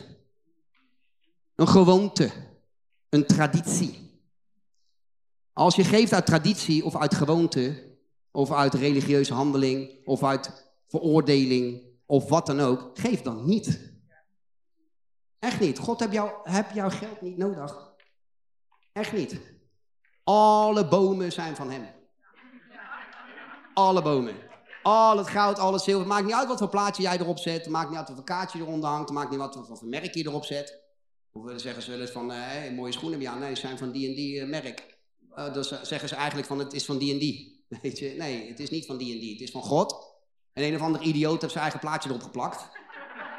Maar het is gewoon zo. Zelfs een flesje water. We betalen er geld voor aan iemand van wie het helemaal niet is. Denk er eens over na. Het is bizar. Alles is van de Heer en heb jouw geld niet nodig. Hij wil jouw hart. Hij wil je hart. Alles draait om jouw hartsgesteldheid. Alles, alles, alles, alles. Dit is zo belangrijk. Koning David die wist precies wie hij was. 1 Kronieken 29 vers 14 zegt hij van u is alles en uit uw hand hebben wij het u gegeven. Hij wist wie zijn bron was. Hij wist aan wie alles toebehoorde. En hij was gewoon een rentmeester die gewoon omging met het bezit van God zoals hij ermee om moest gaan. Hij gebruikte het voor het koninkrijk van God. Hij gebruikte het voor hetgene waarvoor het gebruikt moest worden. En zelf had hij geen enkel gebrek. Want in zijn persoonlijke vermogen had hij ook gewoon miljarden. Waarom? Omdat hij gewoon wist dat alles wat ik heb is van de Heer. En als je zo gaat denken, kom je niks meer tekort. Want dan weet God gewoon dat hij alles kan toevertrouwen. Maar dan ook alles. Weet je, dus zit niet vast aan je geld, maar zit vast aan God. Weet je, 1 Timotheus 6 vers 17 staat, beveel de rijken van deze tegenwoordige wereld. En dan weet ik dat 90% in de zaal zijn eigen niet aangesproken voelt, omdat ze denken, ik ben niet rijk. Maar vergeleken met iemand in de sloppenwijk in Brazilië, ben jij multimiljonair. Dus het is maar net waar je, welke kantje op kijkt en waar jij je gewicht in legt. Maar als jij gewoon een dak boven je hoofd hebt en jij kan elke dag nadenken over wat ga ik vandaag eten? Zal ik een pizzaatje nemen of zal ik een biefstukje bakken? Weet je, zolang jij dat kan denken, zolang, jij op je fiets naar je werk kan gaan of op de step of met openbaar vervoer of weet ik wat, ben jij een rijke van deze tegenwoordige wereld. Dat is echt zo. Je hoeft mij niet te geloven. Beveel de rijken van deze tegenwoordige wereld dat zij niet hoogmoedig zijn, dat wil zeggen dat je vertrouwen stelt op je bezit. Dat je vertrouwen stelt op alles wat je hebt en alles wat je doet en alles wat je kan. Dat je daar je vertrouwen op stelt. Op je werk en op je inkomen, op je salaris en op je successen en weet ik wat allemaal. Niet hoogmoedig zijn. En dat ze, en dat ze hun hoop niet stellen op de onzekerheid van de rijkdom. Onzekerheid van de rijkdom, want wat vandaag is, kan morgen weg zijn. Ik bedoel, hoge bomen vallen veel wind. Het is gewoon zo. Je kan vandaag alles hebben en morgen alles kwijt zijn. Dus dat, daar moet je je hoop niet op stellen. Er staat, maar dat zij hun hoop stellen op de levende God. Op de levende God. Die ons in alle dingen, zeg maar even alle dingen, in rijke mate verschaft. Om ervan te genieten. Oh, daar gaan wat religieuze koeien omver nu. Wat zeg je nou? Mag ik genieten? Ja, jij mag genieten. God wil jou van alle dingen in rijke mate verschaffen, zodat je ervan kunt genieten. Als je lekker uit eten kunt gaan, zeg doe mij maar eens lekker een heerlijk biefstukje. Doe mij maar eens een keer een lekkere kreeft. Waarom niet? Hij wil dat je ervan geniet. Die schoenen die wil ik al een tijdje. Ga ze kopen. Hij wil dat je ervan geniet. Dat je blij bent. Dat je eigenlijk niet gaat zitten veroordelen. Had ik dat wel kunnen doen? Kon ik dat wel missen? Heb ik dat wel echt nodig? hey, als je het ene doet en het andere niet nalaat, hoef je je niet schuldig te voelen over dat soort dingen. Als het het enige is wat je doet, dan heb je een probleem. Want er staat dat hij ons van alle dingen in rijke mate verschaft om ervan te genieten. Dus voor de geestvervulde kerk is dat helemaal geweldig om te horen. Want zie je wel, God wil ons van alle rijke dingen mate verschaffen om ervan te genieten. Ja jongen, ik mag kopen en doen en laten wat ik wil en hebben wat ik wil. De. maar de andere kant is, maar ook, staat er, maar ook om goed te doen. Om rijk te zijn in goede werken. Om vrijgevig te zijn en bereid te zijn om samen te delen. Deze tekst heb ik zo laten doordringen in mijn hele wezen. Gewoon door laten dringen in mijn hele wezen. Ik moet mijn hoop stellen op de levende God, die mijn bron is, die Jehovah Jireh is, mijn provider is. Hij die mij het leven heeft gegeven. Ik moet mijn hoop op hem stellen. Niet op wat ik heb, op wat ik kan, of wat ik misschien uh, zou kunnen verkrijgen door mijn eigen harde werken en mijn eigen kracht. Nee, ik moet mijn hoop stellen op hem. Ik moet de Heer de kracht, de Heere God in gedachten houden. Dat hij het is die u kracht geeft om vermogen te verwerven. Dus ik moet mijn hoop stellen op de levende God. En als ik dat doe, zal hij mij alle dingen in rijke mate verschaffen. Dus dus niet dat ik het allemaal maar net red, dat ik net genoeg heb tot het einde van de maand, dat ik, dat ik moet nadenken of ik iets wel of niet kan. Nee, gewoon alle dingen in rijke mate wil zeggen, niet in arme, krenterige mate, maar in rijke, overvloedige mate. Alle dingen verschaft om ervan te genieten. Ik mag genieten omdat ik een kind ben van God, omdat hij mijn herder is, mij niets ontbreekt, omdat ik gezegend ben, omdat ik gekocht ben, omdat ik het waard ben, omdat hij alles voor mij betaald heeft en alles voor mij voorzien heeft, mag ik genieten. Het is een zegen als ik geniet van de dingen waar God mij mee zegent. En daarnaast mag ik ook nog eens een keertje goed doen. Ik mag ook nog eens een keer rijk zijn. Dat het niet krenterig zijn, maar rijk zijn in vrijgevigheid. Rijk zijn in goede werken. En als ik dat doe, dan verzamel ik voor mezelf een schat voor de toekomst. En een goed fundament. Halleluja. Halleluja. Dat is powerful, man. Dat is gewoon mind-blowing. Hier staat het gewoon helemaal in. Hij wil dat jij van nergens geen, uh, geen gebrek in hebt. En dat je overvloedig kunt zijn tot zegen. Dat je vrijgever kunt zijn, dat je kunt geven. Er staat in 2 Korinthe 9, vers 11 staat, zo. Dus door vrijgever te zijn, door bereid te zijn om samen te delen, door rijk te zijn in goede werken, door niet vast te zitten aan je bezit, door niet vast te zitten aan wat je hebt, door niet vast te zitten aan je spullen, aan je identiteit, dat je identiteit niet ligt in de wereld, maar bij de levende God. Zo, door rijk te zijn in al die dingen, zult u in alles, kunnen we even zeggen alles? Ik heb het opgezocht in het Hebreeuws, ik heb het opgezocht in het Turks, in het Arabisch, in het Nederlands en in het Italiaans. En dat betekent gewoon alles. Alles. Zeg maar nog een keer alles. Zo zult u in alles rijk worden. Wat een belofte. In alles rijk worden. In staat tot alle vrijgevigheid die weer dankzegging teweeg aan God. Ik weet niet hoe het met jou zit, lieve mensen. Maar ik wil alleen maar dankzegging brengen aan hem die mij te duizend trok. Aan hem die mij gekocht heeft met zijn kostbare bloed. Aan hem die mijn erfgenaam gemaakt heeft van het koninkrijk van God. Die met eeuwige leven heeft gegeven. Mijn zonde heeft uitgewassen. Al waren mijn zonden als scharlaken. Hij was ze witter dan de sneeuw. Hij deed ze weg aan het uiteinde van de wereld en gedenk ze niet meer. Oh, loof de Heer, oh mijn ziel en al wat binnenin me is. Oh, loof de Heer en prijs zijn heilige naam. En vergeet niet één van zijn weldaden. Die al uw ongerechtigheden vergeeft. Die al uw ziekte geneest. Die uw leven beschermt tegen het verderf en verlost van het kwaad. Die u kroont met goedere tierendheid en barmhartigheid. Die uw jeugd vernielt als die van een arend. Die uw mond verzadigt met het goede. Loof de Heer, o mijn ziel en al wat binnen in mij is. Hij heeft zo goed aan mij gedaan. Hij heeft me zo gezegend. Ik ben gezegend. Ik ben gezegend. Ik ben gezegend bij het ingaan. Ik ben gezegend bij het uitgaan. Ik ben gezegend in het land waar ik naartoe ga. Of het land waar ik uittrek. Ik ben gezegend in mijn werk. Ik ben gezegend. Hij maakt me de koppen niet te staat. Ik zal uitsluitend omhoog en niet omlaag. Ik zal uitlenen, maar zelf niet hoeven te lenen. Hij werd arm zodat ik rijk kon zijn. Hij werd de vloek zodat ik gezegend kon zijn. Ik ben gezegend met alle geestelijke zegen in de hemelse gewesten. Ik ben gezegend met de zegen van Abraham. hey, ik ben een kind van de Allerhoogste. Halleluja. Dat is mijn waarheid. Dat is wie ik ben. Kind van God. Ik wil alleen maar dankzegging brengen aan hem. Alleen maar dankzegging brengen aan hem. En door vrijgever te zijn, doe ik precies dat. Hij heeft mij alles geschonken. Alles geschonken. Alles. Hij zal mij niets onthouden. Niets. Man, dat is powerful, man. Niets wil hij ons onthouden.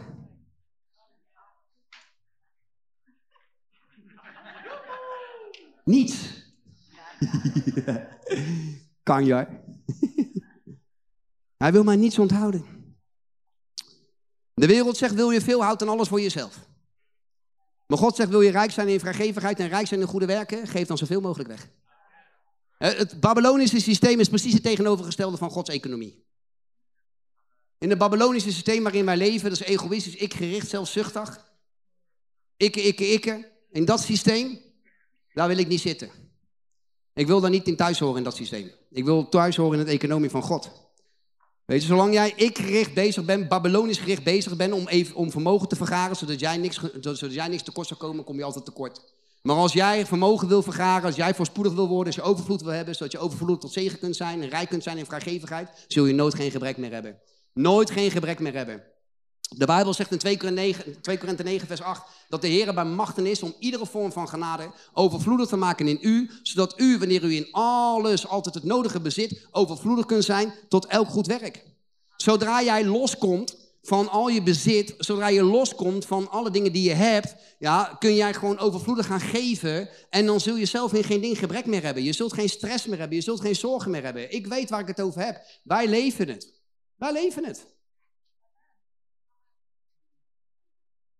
Koning David die zei tegen zijn volk toen hij zoveel geld gegeven had: Wie is vandaag gewillig om de Heer zijn gaven te schenken?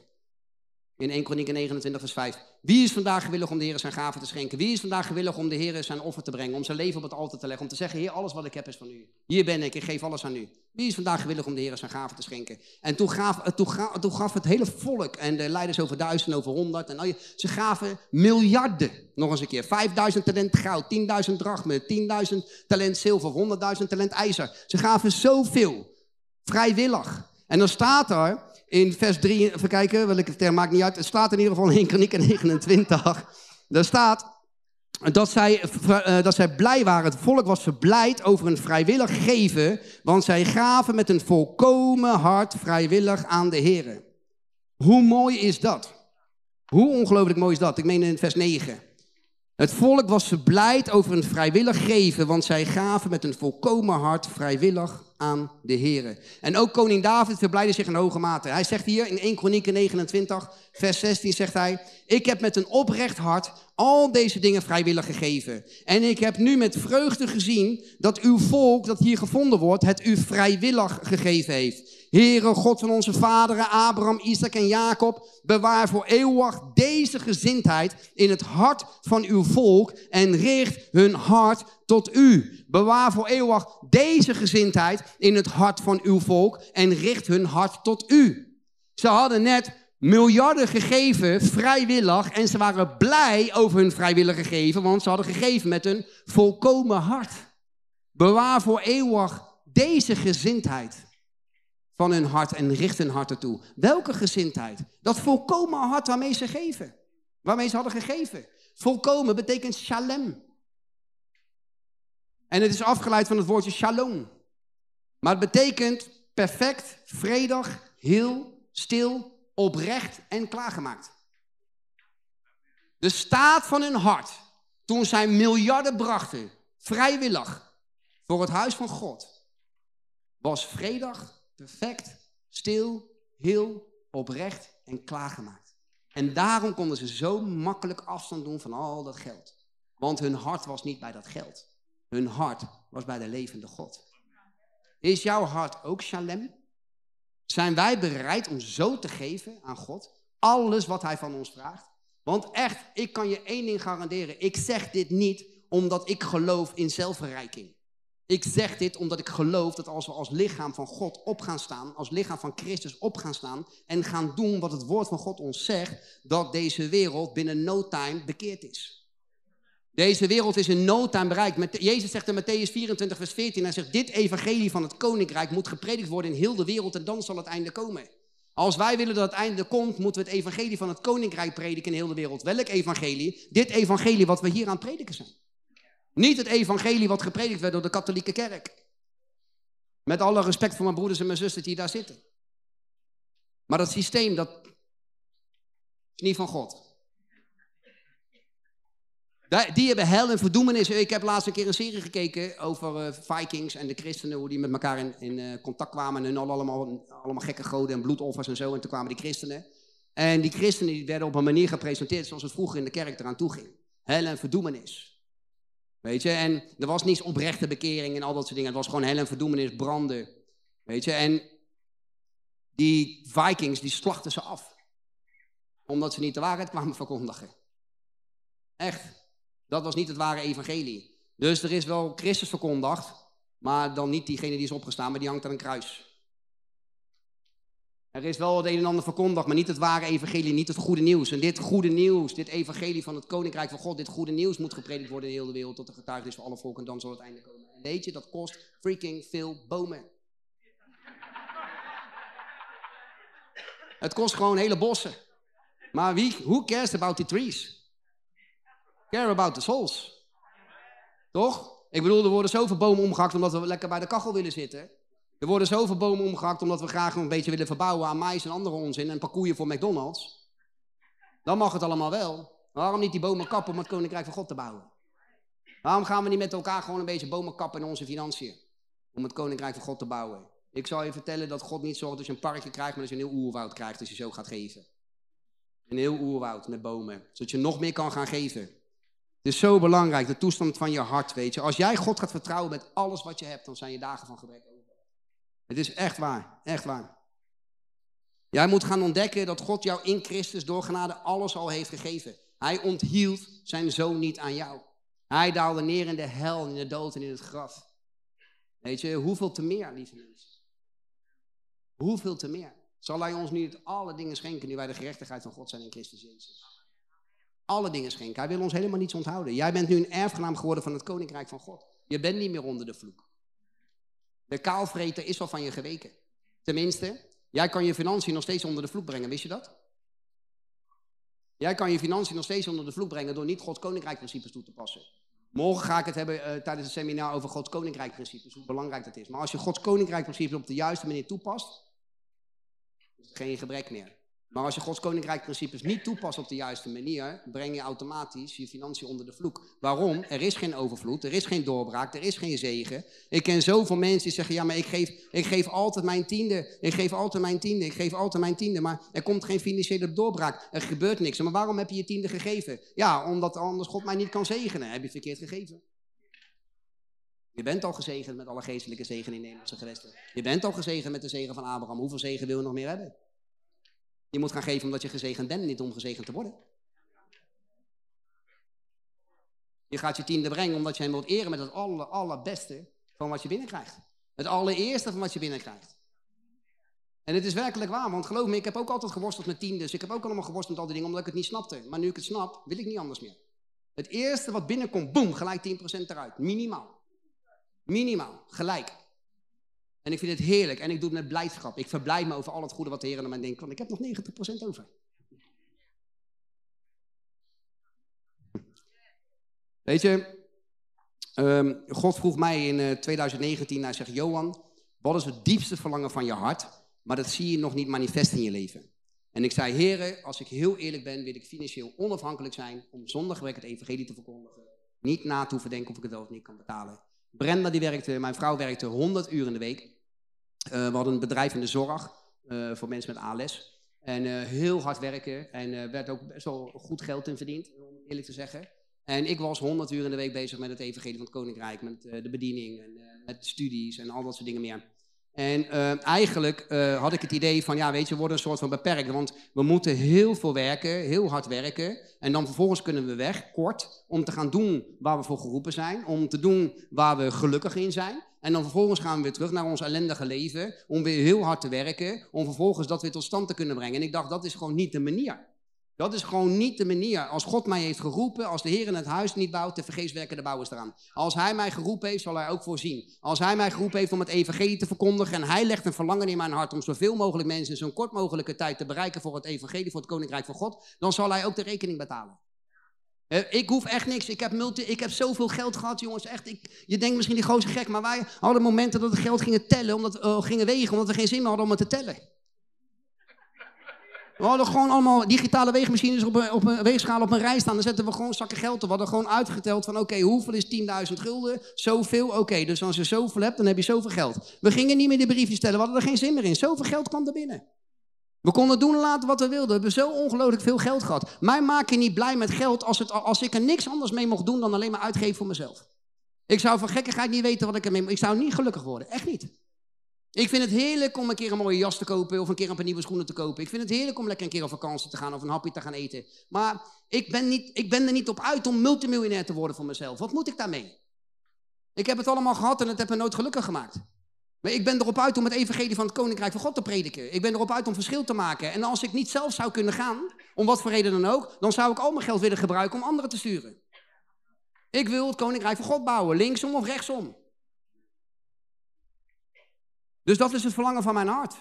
En we waren het zelf tot stand aan het brengen door hard te werken, door hard te zwoegen. Spreuken 10 vers 22 zegt, de zegen van de Heer maakt rijk en hij voegt er geen zwoegen aan toe.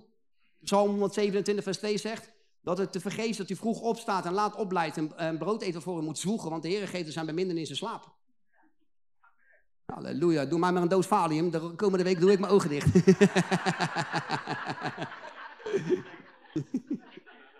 Hou mij maar kunstmatig in coma.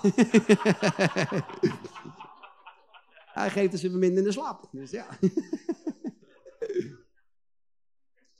maar weet je, dus ik zei van ja, het diepste verlangen is gewoon, ik wil financieel onafhankelijk zijn. En het niet voor mezelf.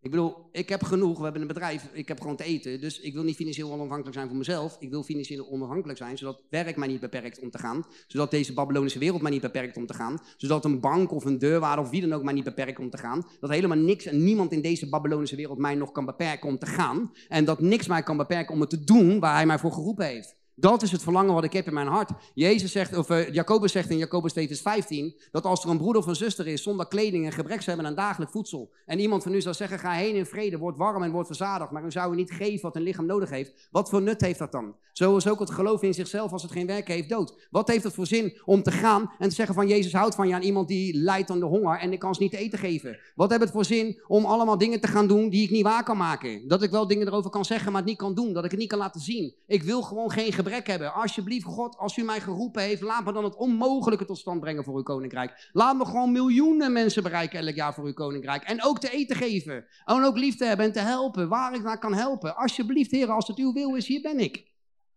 Hier ben ik. Dat is het verlangen van mijn hart. En God zei, geef alles weg. Dus ik, God zegt tegen mij, wat is het verlangen van je hart? Ik wil financieel onafhankelijk zijn. En zegt hij, geef alles weg.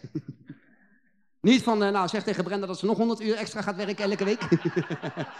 Daar had ik op zich ook geen moeite mee gehad, weet.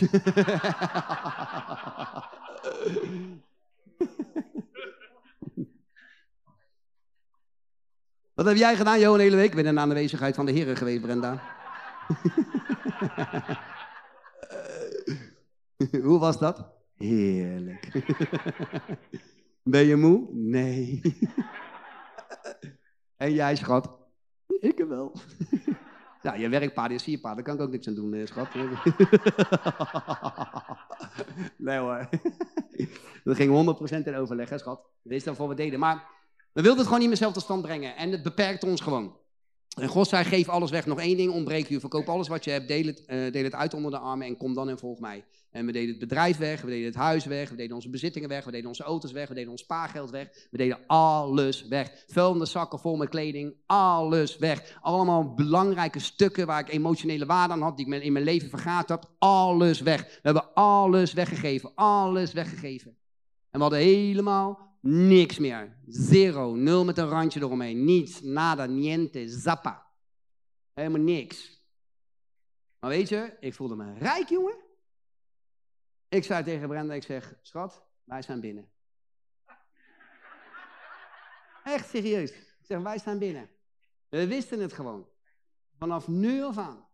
zitten we aan niks en niemand meer vast, alleen nog maar aan de levende God. En weet je dat dat de beste plek is waar je kunt zijn? Als je Hem vertrouwt met alles wat je hebt en alles wat je bent. Denk je dat, denk je dat God, denk, zou jij jouw kind, hè, als er iemand onder, is er iemand onder u die zijn zoon een steen geeft als hij om een brood vraagt, of, een, of als, hij, als hij om een vis vraagt, dat hij hem een slang geeft? Nee toch? Wij zijn kinderen van de Allerhoogste God. Zal hij ons iets onthouden? Nee, hij zal ons helemaal niets onthouden. Dus als je eenmaal geen andere kant meer op kan kijken dan alleen nog maar omhoog. En alleen nog maar kan vertrouwen op hem, want er is niks anders meer wat er komt. Is dat de beste plek om te zijn? Want dan kan hij zijn zegen over je uitgieten. Dan kan hij al zijn overvloed en zijn gunst over je uit. En dan kan hij laten zien hoe hij voor je zorgt. En dan kan hij laten zien hoe hij van je houdt. En hoe hij in alle verzetten wil voorzien van wat je maar nodig hebt. Van alles gewoon. En wij zijn voor uitdagingen komen te staan, ah, daar willen ze de honden geen brood van. Maar ik kan je zeggen, vanaf de dag dat wij alles opgegeven hebben tot nu aan toe, zijn we elk jaar verdubbeld in onze bediening, zijn we verdubbeld in onze partners, zijn we verdubbeld in onze donaties, zijn we verdubbeld in de voedselpakketten die we weggaven. Verleden jaar gaven we de 20.000 weg, dit jaar gaan we de 40.000 weggeven. We, we, begonnen met één stukje land. We hebben nu 34 kavels waar ons project op staat. Is helemaal schildervrij gebouwd. Met een prachtig mooi missiehuis wat we hebben. Ik begon met, uh, we gingen achter op een gehuurde auto, op een pick-up, ging ik het evangelie verkondigen met een klein speakertje. En nu hebben we een gospeltruc met speakers die uh, 5000 man wegblazen. Ja, maar we begonnen met niets. Maar ik wil voor jullie eventjes duidelijk maken, in 2019, eind 2019, namen wij de beslissing om alles wat altijd te leggen. Begin 2020 gingen wij, stapten wij op het vliegtuig toen corona uitbrak. Twee jaar gruwelijke ellende in de wereld. Alleen maar armoede. En uh, zoals Tom gisteren mooi zei, de hele wereld, inclusief christenen, die allemaal met een luier voor hun gezicht door het leven heen gingen. Dat was rampzalig in het natuurlijke. Bedrijven gingen over de kop, mensen raakten een baan kwijt en uh, in ellende, mensen in paniek en angstig en weet ik wat allemaal. En dat was dat wij begonnen een nieuw avontuur met God, met helemaal niks. Dus als je nu in 2022 zit, hebben we het over 24 maanden. In 24 maanden zijn we van één stukje grond naar 34 kavels gegaan, betaald, schuldenvrij. Voor een miljoen euro hebben we een heel missiehuis gebouwd. Schuldenvrij. Zijn we van een gehuurde auto zijn we naar een dikke vette eh, SUV-bak gegaan met al om de koffers op te halen en boodschappen te doen voor de mensen in de sloppenwijk, want die hebben daar gewoon nodig. Hebben we een gospeltruc en weet ik wat allemaal. Zijn we van, van een paar duizend voedselpakketten naar 40.000 voedselpakketten gegaan in twee jaar tijd. Is dat omdat ik zo geweldig ben? Nee, het is omdat God zo geweldig is omdat zijn woord waarheid is. Het is waarheid. Het is gewoon fantastisch. En we staan erbij en we kijken ernaar. We vertrouwen hem gewoon. Hij zegt, hij nu die de zaaier zaad schaft, zal ook brood tot voedsel schenken en uw zaaigoed doen toenemen. En de vruchten van uw gerechtigheid doen vermeerderen. Hij, God, die de zaaier, jou het zaad verschaft. Dus hij geeft jou het zaad om te zaaien. Waarom doe je dan zo moeilijk om te zaaien? Waarom is het dan zo moeilijk om te geven? Hij is degene die jou het zaad verschaft. En hij noemt je een zaaier. Dat is niet iemand die het op de plank laat leggen als zekerheid voor de toekomst. De enige zekerheid voor de toekomst die wij hebben is koning Jezus, halleluja. Dat is de enige zekerheid voor de toekomst. Dus wat wij moeten doen, is wij moeten gewoon gehoorzaam gaan worden met het minste en God gaan vertrouwen met onze financiën. We moeten vrijgever gaan worden. We moeten gaan zaaien in het koninkrijk van God. Dan heb je zelf helemaal geen gebrek meer. Je komt helemaal niks meer tekort. En ondertussen ben je vrucht aan het verzamelen voor het koninkrijk van God. Ondertussen ben je schat aan het verzamelen in de hemel. Ben je mee aan het bouwen voor het koninkrijk van God. Wat wil je nog meer? Ja, en ik begrijp best dat die hele religieuze, traditionele mensen die onder de wet zitten, die halve fariseeërs, daar niks mee, mee te maken willen hebben. Want die willen helemaal niet dat het koninkrijk van God gebouwd wordt. Die willen dat er een kerk gebouwd wordt. Met een parkeerplaats van 3 miljoen euro. Die hebben 10 miljoen op de rekening staan en ze weten niet wat ze daarmee moeten doen. Laten we nog maar een bingo houden. Morgen hebben we een teenkransje met z'n allen. Ja, leuk. Maken we zelfgemaakte kaartjes met bloemetjes erop. Schattig. Geven we die aan de daklozen onder de brug? Schrijven op de achterkant de richting aanwijzen waar de voedselbank is. nee, maar ik zeg het gewoon omdat er is zoveel geld in het lichaam van Christus. Er zijn zoveel kinderen van God die multimiljonair zijn, die zoveel geld hebben en die gewoon krenterig zijn en niks doen met hun geld. Niks doen. Terwijl broeders en zusters omkomen van de honger. Terwijl de wereld verloren gaat. Terwijl we leven in een gevallen wereld, in een stervende wereld, waar we een levende God aan moeten brengen. En dan kan ik pissig om worden. Echt pissig om worden. Want geld is niet belangrijk, is het minst in het koninkrijk van God. Dus als je er genoeg van hebt, ga dan geven. En als je niet genoeg hebt, ga dan ook geven. Zodat je genoeg kunt krijgen, zodat je genoeg kunt gaan geven. Zal ik hem op een tegeltje zetten voor je? Halleluja. Tom heeft tegen mij gezegd, eh, wees vrij. Dus ik ben gewoon vrij. Ik deel hier gewoon mijn hart. Ik deel mijn hart. Ik, het hoeft niet een of andere gelikte preek te zijn, maar het gaat er echt om van wat zit er in mijn hart. Wat in mijn hart zit is het woord van God. Het is die waarheid die hij hier in zijn woord hebt staan. Is zo ongelooflijk groot, is zo ongelooflijk mooi. Niet alleen over genezing en over bevrijding en over vergeving van je zonde en eeuwig leven en de onvoorwaardelijke liefde van God. Maar ook over geld, lieve mensen. Ook over geld, over financiën. Weet je hoe vaak eh, financiën voortkomen in de Bijbel? Als je het gaat tellen, word je helemaal duizelig. Meer dan genade. Komt het woord geld voor, financiën. Jezus vond het zo belangrijk. Hij sprak er zo vaak over. Zo vaak. Daarom is het zo belangrijk, weet je. En er wordt gewoon veel te weinig over gesproken, omdat iedereen ervan uitgaat dat als je het over geld hebt, dat je jezelf wilt verrijken. Maar dat is gewoon BS. Bijzonder slap. Wat dachten jullie dan? Bekeer je, hè? Bijzonder zonbaar.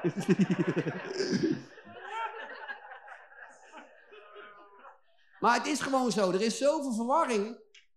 Dus mensen, op het moment dat je over geld begint te praten en je, bent, je breekt het vuur uit je sloffen, omdat je zo de overtuiging bent van mensen, als jullie het gaan pakken en je gaat geven met de juiste motivatie, en je zult geen gebrek meer hebben en daardoor nog meer kunnen zaaien, nog meer kunnen zaaien, nog meer kunnen zaaien, dan kan het koninkrijk gebouwd worden. Weet je, en er staat daar, denken mensen allemaal, ja, hè, hoor hem nou zeggen, hè, natuurlijk. Ja, die wil natuurlijk lekker knaken binnenhalen, die is lekker de hele boel aan het manipuleren, die wil zakken lekker vullen. Dat is wat er gedacht wordt. Omdat er onzin over verkondigd is. Voorspoed in het koninkrijk van God is niet voor jezelf. Jij hoeft in geen ding gebrek te hebben. Je kan in overvloed leven als je overvloedig bent als zegen voor een ander. Anders ben je niet voorspoedig. Amen? Amen. Weet je, en om het koninkrijk te bouwen heb je gewoon veel geld nodig. Je hoeft het niet zelf tot stand te brengen. Filippenzen 4 vers 19 zegt dat onze God ons zal voorzien overeenkomstig zijn rijkdom. Niet overeenkomstig, overeenkomstig de rijkdom van eh, je uitkering trekkende buurman. Of eh, je in de AOW. Nee, overeenkomstig zijn rijkdom zal hij jou voorzien van alles wat je maar nodig hebt. Zeg maar alles wat ik nodig heb. Alles wat ik nodig heb. Geloven jullie dat echt? Alles wat je maar nodig hebt. Dus stop met die schijnvroomheid en dat anti-prosperity denken. Stop er gewoon mee. Het zijn leugens. Go- Weet je, ik hoor, oh man, ik hoor zo van, ja, en wie weer met het welvaartsevangelie? Er bestaat helemaal geen welvaartsevangelie. Er bestaat maar één evangelie en dat is het evangelie van het koninkrijk van God. En in dat evangelie zit welvaart. Maar weet je, heel Nederland die daar overheen kotst, leven allemaal in welvaart. Ze zijn allemaal tegen welvaart, maar zelf leven ze in welvaart. Ah, ze willen dit en ze willen dat en eh, zus zo. Een belachelijke welvaart van de duivel, zus en zo. En ze stappen in een dikke auto. En dan rijden ze naar een kantoor en dan hebben ze, lopen ze te fozen met hun eh, secretaresse. En eh, lopen ze met hun vrienden dikke sigaren te roken. En weet ik wat allemaal. Ze leven allemaal in, in welvaart. Mensen die elke dag eh, op hun gemak naar de groentebuur kunnen gaan. En duur fruit kunnen kopen en dure groenten kunnen kopen. En dan in de slagen voor het beste stukje vlees. En dan lekker thuis kunnen opeten als ze er zin in hebben. Maar ja, ik zit vol, dus ik flikker het in de vuilnisbak. Mensen die elke dag in een auto naar hun werk kunnen rijden. Of op hun step, of op een fiets, of een rolskates. Weet ik veel hoe je wil gaan. Op schaatsen van mijn part, als jij dat wil. Weet je, maar mensen die hebben alles hier in Nederland. Alles. Zelfs als je niks hebt, hebben je alles. Mijn zoon heeft helemaal niks. 0,0. Die heeft een uitkering. Maar hij heeft een huis, een dak boven zijn hoofd. Hij heeft een dure telefoon. Hij loopt een mooie gimpies. Hij heeft te vreten in zijn koelkast. Hij kan een feest houden met zijn vrienden. Je hebt alles als je in Nederland... Je bent gewoon rijk en voorspoedig als je in Nederland woont. Je, leeft gewoon in welvaart en in overvloed als je in Nederland woont. En dan loop je maar te zeiken over die voorspoedevangelie en die welvaartsevangelieën. Jij leeft in welvaart. Gooi dan alles weg als je er zo tegen bent. Geef het aan de One in In Foundation. Amen. Gaan wij de goede dingen mee doen? Ga jij lekker onder een brug leggen? Kom ik je een broodje brengen? en een kaartje met de richtingaanwijzing naar de voedselbank. Serieus.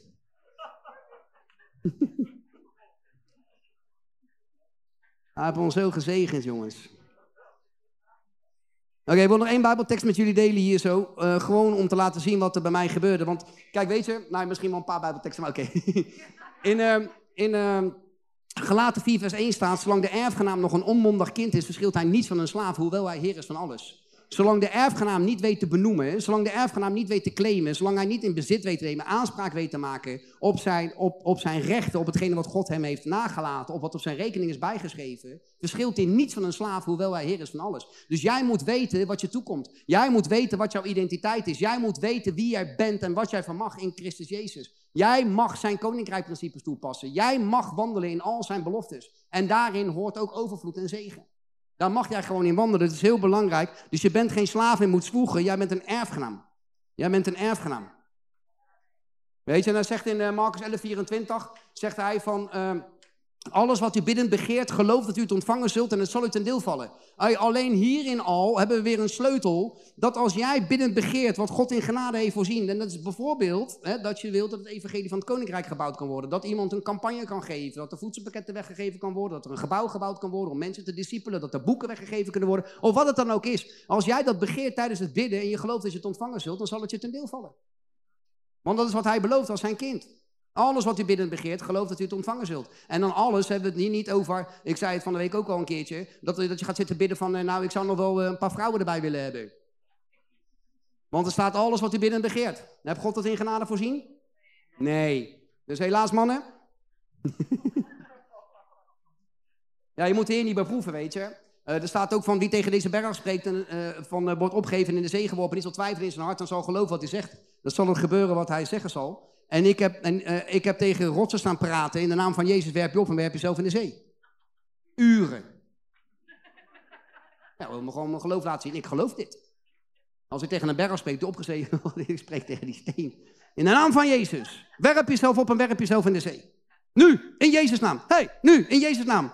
Beweegt hij al een beetje? In Jezus' naam. hey, hey. Als mensen langs, langs hadden gelopen, jongen, echt waar. Hadden me voor gek verklaard. Maar God zei tegen me, wat ben je nou aan het doen, joh, idioot?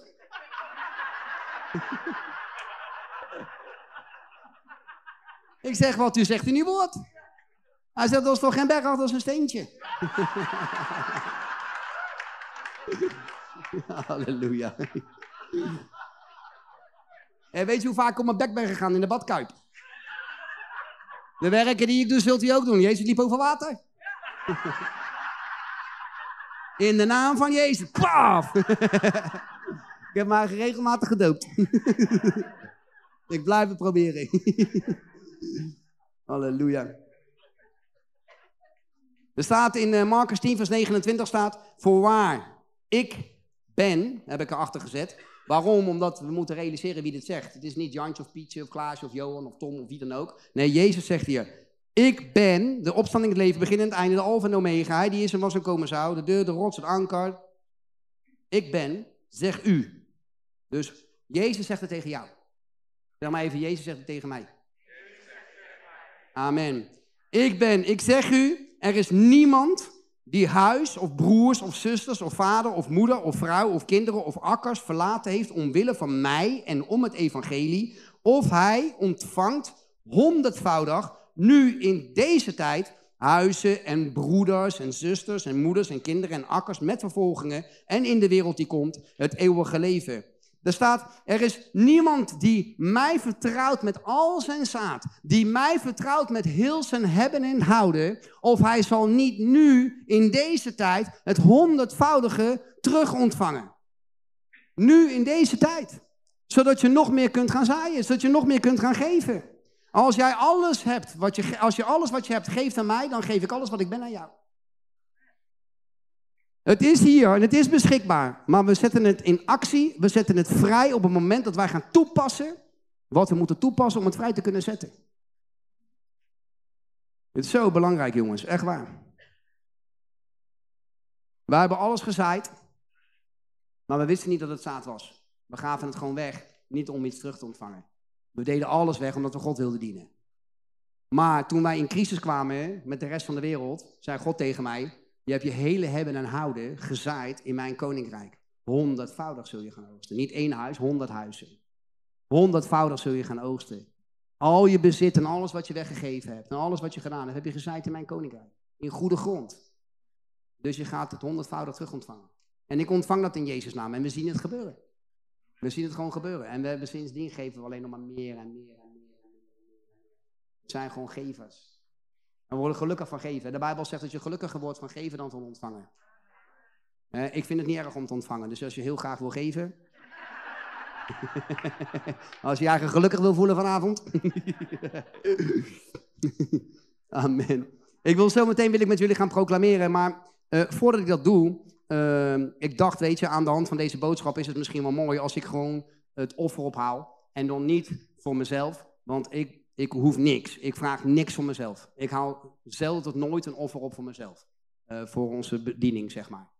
Maar ik wil het wel graag ophalen voor een andere bediening. Waarvan ik gewoon weet dat het goede grond is. Waarvan ik weet dat het vruchten draagt. Waarvan ik weet dat mensenlevens getransformeerd worden. Dat mensen, eh, mensenlevens geraakt worden en weet ik wat allemaal. En in dit geval ben ik hier te gast op de Greater Faith Conference. En weet ik dat eh, Tom met frontrunners een prachtige visie heeft. Een enorme droom op zijn hart gelegd heeft gekregen van God. Die God gewoon manifest zal laten worden. Het is al geschied. Het is al gebeurd. Maar jij kunt daar deel aan zijn. Jij kunt deel zijn aan alles wat God door deze bediening, de frontrunnersbediening, heen tot stand zal gaan brengen in de komende, weet ik veel hoeveel jaren tot Jezus terugkomt. Daar kun jij deel aan hebben met je financiën. En weet je, je bent gezegend om tot zegen te zijn. Weet je, we zijn geroepen om vrijgevig te zijn. We zijn geroepen om te zaaien. Dus als jij dit gelooft, als je gelooft wat ik vanavond gedeeld heb, wil ik je gewoon vragen om belachelijk te zaaien. Om belachelijk te zaaien, zodat het pijn doet. De Bijbel zegt, je zult met tranen zaaien, maar je zult met gejuich oogsten. Als jij gelooft dat het goede grond is, dan wil ik je gewoon vragen of je met je financiën wil gaan zaaien in die goede grond. En dan zo dat het je pijn doet. Echt dat het je pijn doet. Je denkt van, als ik dit geef, dan weet ik het even niet meer. Dan gaat mijn vakantie eraan. Of die schoenen die ik zo graag had willen kopen. Of mijn keukenvloertje wat ik had willen leggen. Of die uitbouw die ik had willen bouwen. Dat doet pijn. Maar die is niet van jou. Het is van het Koninkrijk van God. Je bent hier vanavond. Je hebt naar deze boodschap geluisterd. Ik ga je nergens toe dwingen, nergens toe manipuleren. Maar de Heilige Geest zal je overtuigen. Dus jij gelooft wat zij hier aan het doen zijn. Duizenden, duizenden mensen. Ze hebben in de afgelopen twee jaar hebben ze 500.000 boeken 500.000 mensen die waarheid te horen hebben gekregen, die potentieel een bediening zijn, potentieel impact kunnen maken voor het Koninkrijk van God, mensen kunnen winnen voor Koning Jezus. 500.000 mensen, als die allemaal één ziel winnen, heb je er alweer 500.000 extra. Als die allemaal één ziel winnen, heb je er al anderhalf miljoen. Weet je hoe hard dit gaat? Dit gaat zo ongelooflijk hard. Dat is, dat is geld wat doorwerkt tot in de eeuwigheid. Weet je, God zegt, ik heb, ik heb lief wie mij lief hebben en wie mij ernstig zoeken zullen mij vinden. Rijkdom en eer is er bij mij, duurzaam bezit en gerechtigheid. Duurzaam bezit, er is duurzaam bezit bij God. Als jij duurzaam bezit wil, moet je afstand nemen soms van tijdelijk bezit. Wat niet eens jouw bezit is, maar waar je gewoon rentmeester over bent. Durf je God te gaan vertrouwen met alles wat je hebt? Durf je met een hart te gaan geven dat shalem is? Dat volkomen oprecht, perfect, vredig, heel en klaargemaakt is om een offer te brengen. Ik wil heel even vragen om uh, een uh, filmpje te laten zien over de bouw waar ze mee bezig zijn. Er wordt vanzelf alles in verteld als we geluid hebben. Dit is de nieuwe videostudio van Frontrunners. Althans, hij is nog niet helemaal af, maar dit is wel de locatie waar we ons nieuwe pand willen gaan realiseren.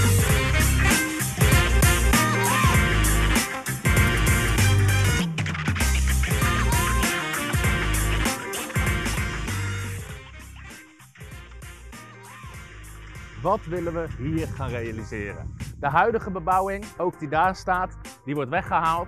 En op deze locatie willen we ons nieuwe gebouw gaan bouwen met een grote conferentiezaal voor 1250 tot 1500 bezoekers. Een kleine conferentiezaal voor onze bijbelscholen, klaslokalen voor onze fulltime bijbelscholen. Onze videostudio's en audiostudio's komen er. Een callcenter voor onze gebedslijnen. Kantoren voor 30, 35 medewerkers. Er komt een prachtige foyer in. Natuurlijk zorgen we dat er parkeerplek komt voor meer dan voldoende auto's voor alle bezoekers. En daarnaast gaan we een loods neerzetten waar onze opslag komt en distributie van onze boeken en waarvan we ook armoedehulp willen gaan bieden. Wij geloven dat dit een prachtige locatie wordt voor het Koninkrijk van God, dat echt gegeven is aan Nederland om een zegen te zijn, waardoor we nog meer mensen kunnen trainen, toerusten, kunnen bereiken en kunnen bedienen, omdat we gewoon grotere faciliteiten hebben. En we zien uit naar alles wat God vanuit deze locatie wil gaan doen. En we zien ook uit hoe we andere landen in Europa kunnen bereiken, omdat we ook onze internationale bediening vanuit onze videostudio's en boeken vanaf hier vorm kunnen gaan geven. Het goede nieuws is dat deze hele locatie van de bouwkavel, het huidige pand, parkeerplek, totaal 20.000 vierkante meter, dat we het helemaal schuldenvrij hebben aangekocht. We zijn nu bezig met alle benodigde papieren, de vergunningen, de bouwtekeningen. En we zitten dus volop in de voorbereidingsfase. Onze visie is om dit hele project schuldenvrij te realiseren. En ik zal je vertellen waarom. Ten eerste omdat het een belofte is van God. In Deuteronomium 28, vers 12, waar staat dat God het werk van onze handen zal zegenen en dat we zullen uitlenen, maar niet hoeven te lenen. En willen het werk van God willen we schuldenvrij bouwen. Daarnaast willen we niet invloed hebben van financierders die bepaalde activiteiten of bepaalde kaders of bepaalde wensen opleggen in ruil voor financiering. En bovendien willen we helemaal vrij zijn met onze eigen activiteiten. We willen niet het pand moeten verhuren, maar we willen ook niet zelf conferenties moeten houden om kosten te dekken. We willen gewoon vrij zijn zodra we erin zitten. En bovendien, alle middelen die binnenkomen van onze partners en mensen die geven, willen we direct in het Koninkrijk van God steken. Gebruiken om boeken te drukken, mensen te bereiken, mensen te trainen en niet gebruiken voor het betalen van rente. En het gaaf is dus, tot nu toe hebben we alle schulden vrij gedaan. En we vertrouwen God voor alle andere voorziening die nodig is. Voor de rest van het project is nog ongeveer 4,5 miljoen euro nodig. En we vertrouwen God op alle voorziening die nodig is. Net zoals staat in 1 Kronieken 29, vers 16, dat de voorziening gereed zal zijn voordat de bouw gaat starten. We willen deze video opnemen ten eerste om je op de hoogte te houden van wat er gebeurt. Speciaal voor onze partners, de mensen die geven, de mensen die bij ons betrokken zijn, de mensen die voor ons bidden.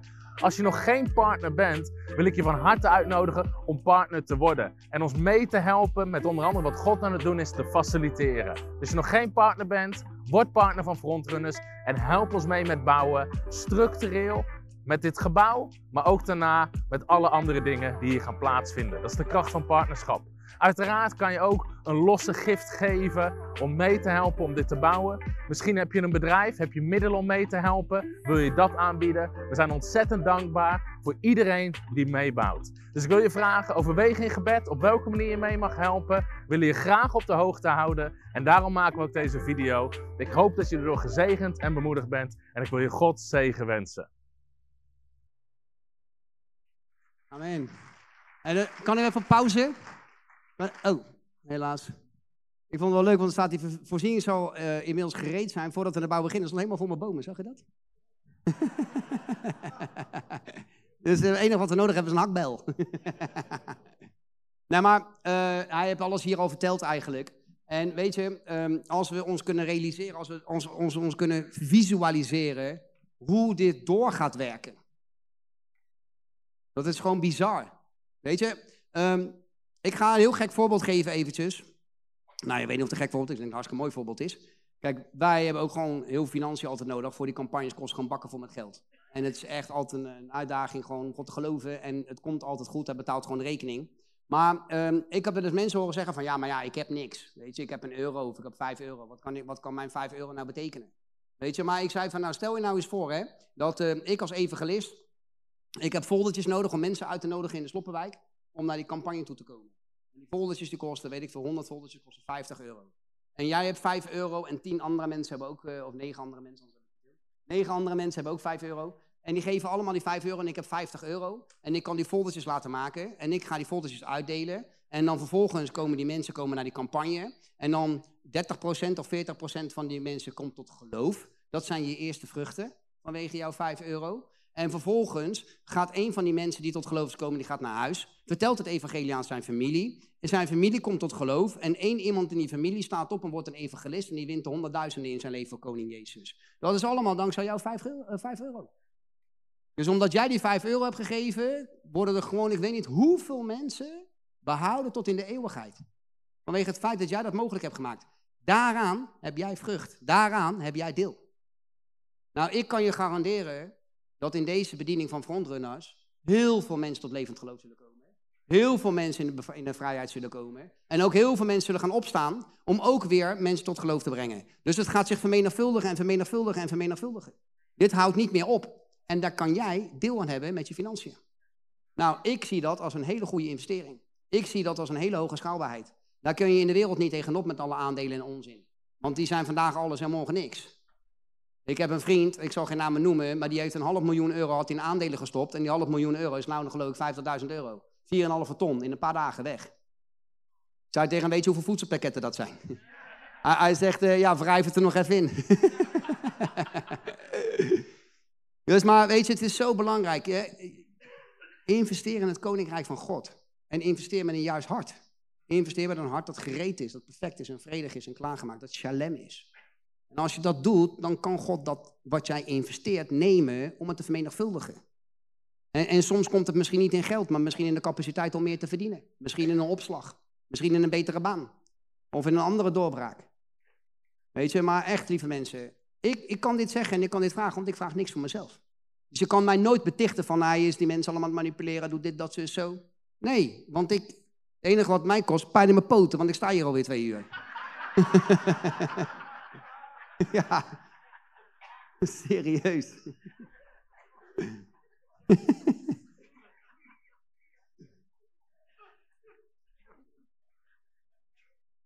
ik zeg dit voor jullie. Ik zeg het ook niet voor frontrunners, ik zeg het voor jullie. Dat jullie de zegen niet ont- onthouden waar je deel aan kan hebben. Echt hoor, echt waar. Dus ik wil je vragen of je gewoon een momentje ogen wil sluiten. En gewoon even stil wordt en even alle gekkigheid van Johan vergeten, maar even de seriositeit hè, die- er tussendoor geklonken heeft. Dat je dat in je opneemt. Van wacht even, ik ben een kind van God. Ik ben gezegend om tot zegen te zijn. Ik heb op dit moment financiën in mijn bezit. En misschien in het natuurlijke klinkt het allemaal heel onlogisch, maar ik ben niet van het natuurlijke, ik ben van het bovennatuurlijke. Ik geloof, ik word zelf hier enorm gezegend. Mijn leven is hier compleet getransformeerd en veranderd. En ik wil dat iedereen dit horen krijgt, dat iedereen dit meekrijgt, dat iedereen geraakt wordt, getransformeerd wordt en vrijgezet wordt, gediscipeld wordt en vruchten gaat dragen voor het koninkrijk. Ik wil daar deel aan hebben. Dus Heer, Heilige Geest, wat mag ik geven om U te aanbidden? Wat mag ik geven om U dankzegging te brengen? Gooi het bedrag nu voor mijn ogen. En als ik ervan schrik, dan weet ik dat het van U is. En als het makkelijk voelt, dan was het mijn vlees. Maar als ik ervan schrik, van zo, meent u dat nou? Dan weet ik dat het van U is. Heren, laat ze zien wat ze mogen geven. En een euro kan net zoveel zijn als een miljoen euro. U kijkt naar het hart en naar vermogen. De Bijbel zegt, geef naar vermogen. God heeft de blijmoedige gever lief. Hij wil je lief hebben als je blijmoedig geeft naar vermogen. Dus wat is jouw vermogen en waarmee wil jij daarvan deel hebben aan de bediening en aan het werk wat hier gebeurt voor het Koninkrijk van God? Ik zeg, het is de beste investering. Echt waar. Er zijn maar weinig bedieningen die alles gratis doen. Bijbelschool gratis, boeken gratis, conferenties gratis, online studies gratis, gebedsdiensten gratis, alles is gratis. Er wordt nergens geld voor gerekend. We om niet, we geven het om niet en daar kun je deel aan hebben. Als je bedrag in je hart hebt gekregen, schrijf het dan op een kaart, niet lang over nadenken. Nogmaals, wie met tranen zaaien, die zullen met gejuich oogsten. Het is echt waar. Ik heb zo vaak met tranen gezaaid. Maar nu, nu doe ik dat niet meer, want nu ben ik blij dat ik mag zaaien. Maar ik heb wel met tranen gezaaid. Ik moest God gaan geloven, ik moest hem gaan vertrouwen. Ik moest uitstappen, ik moest mezelf uitstrekken en dat deed pijn en dat was lastig en dat, en dat was moeilijk en spannend en je hart ging kloppen en je werd helemaal trillerig en soms zelfs huilen als je wat ging geven. Het is echt zo. Ik weet dat mensen zichzelf hierin herkennen.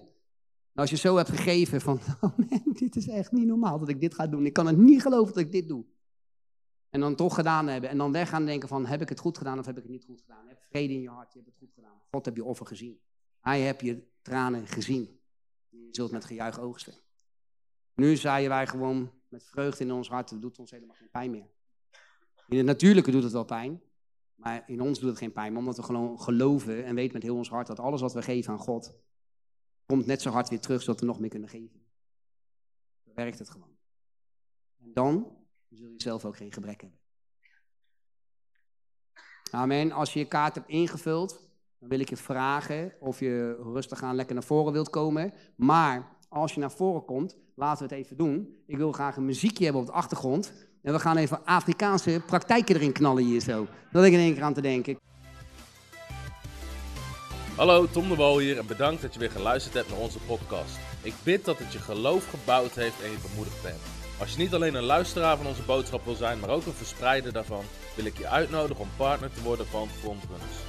Door jouw maandelijkse donatie help je ons om dit evangelie van Jezus Christus en het woord van God over heel de aarde te brengen. Om partner te worden, ga naar www.frontrunnersministries.nl slash partners en word partner. Hartelijk bedankt en tot snel.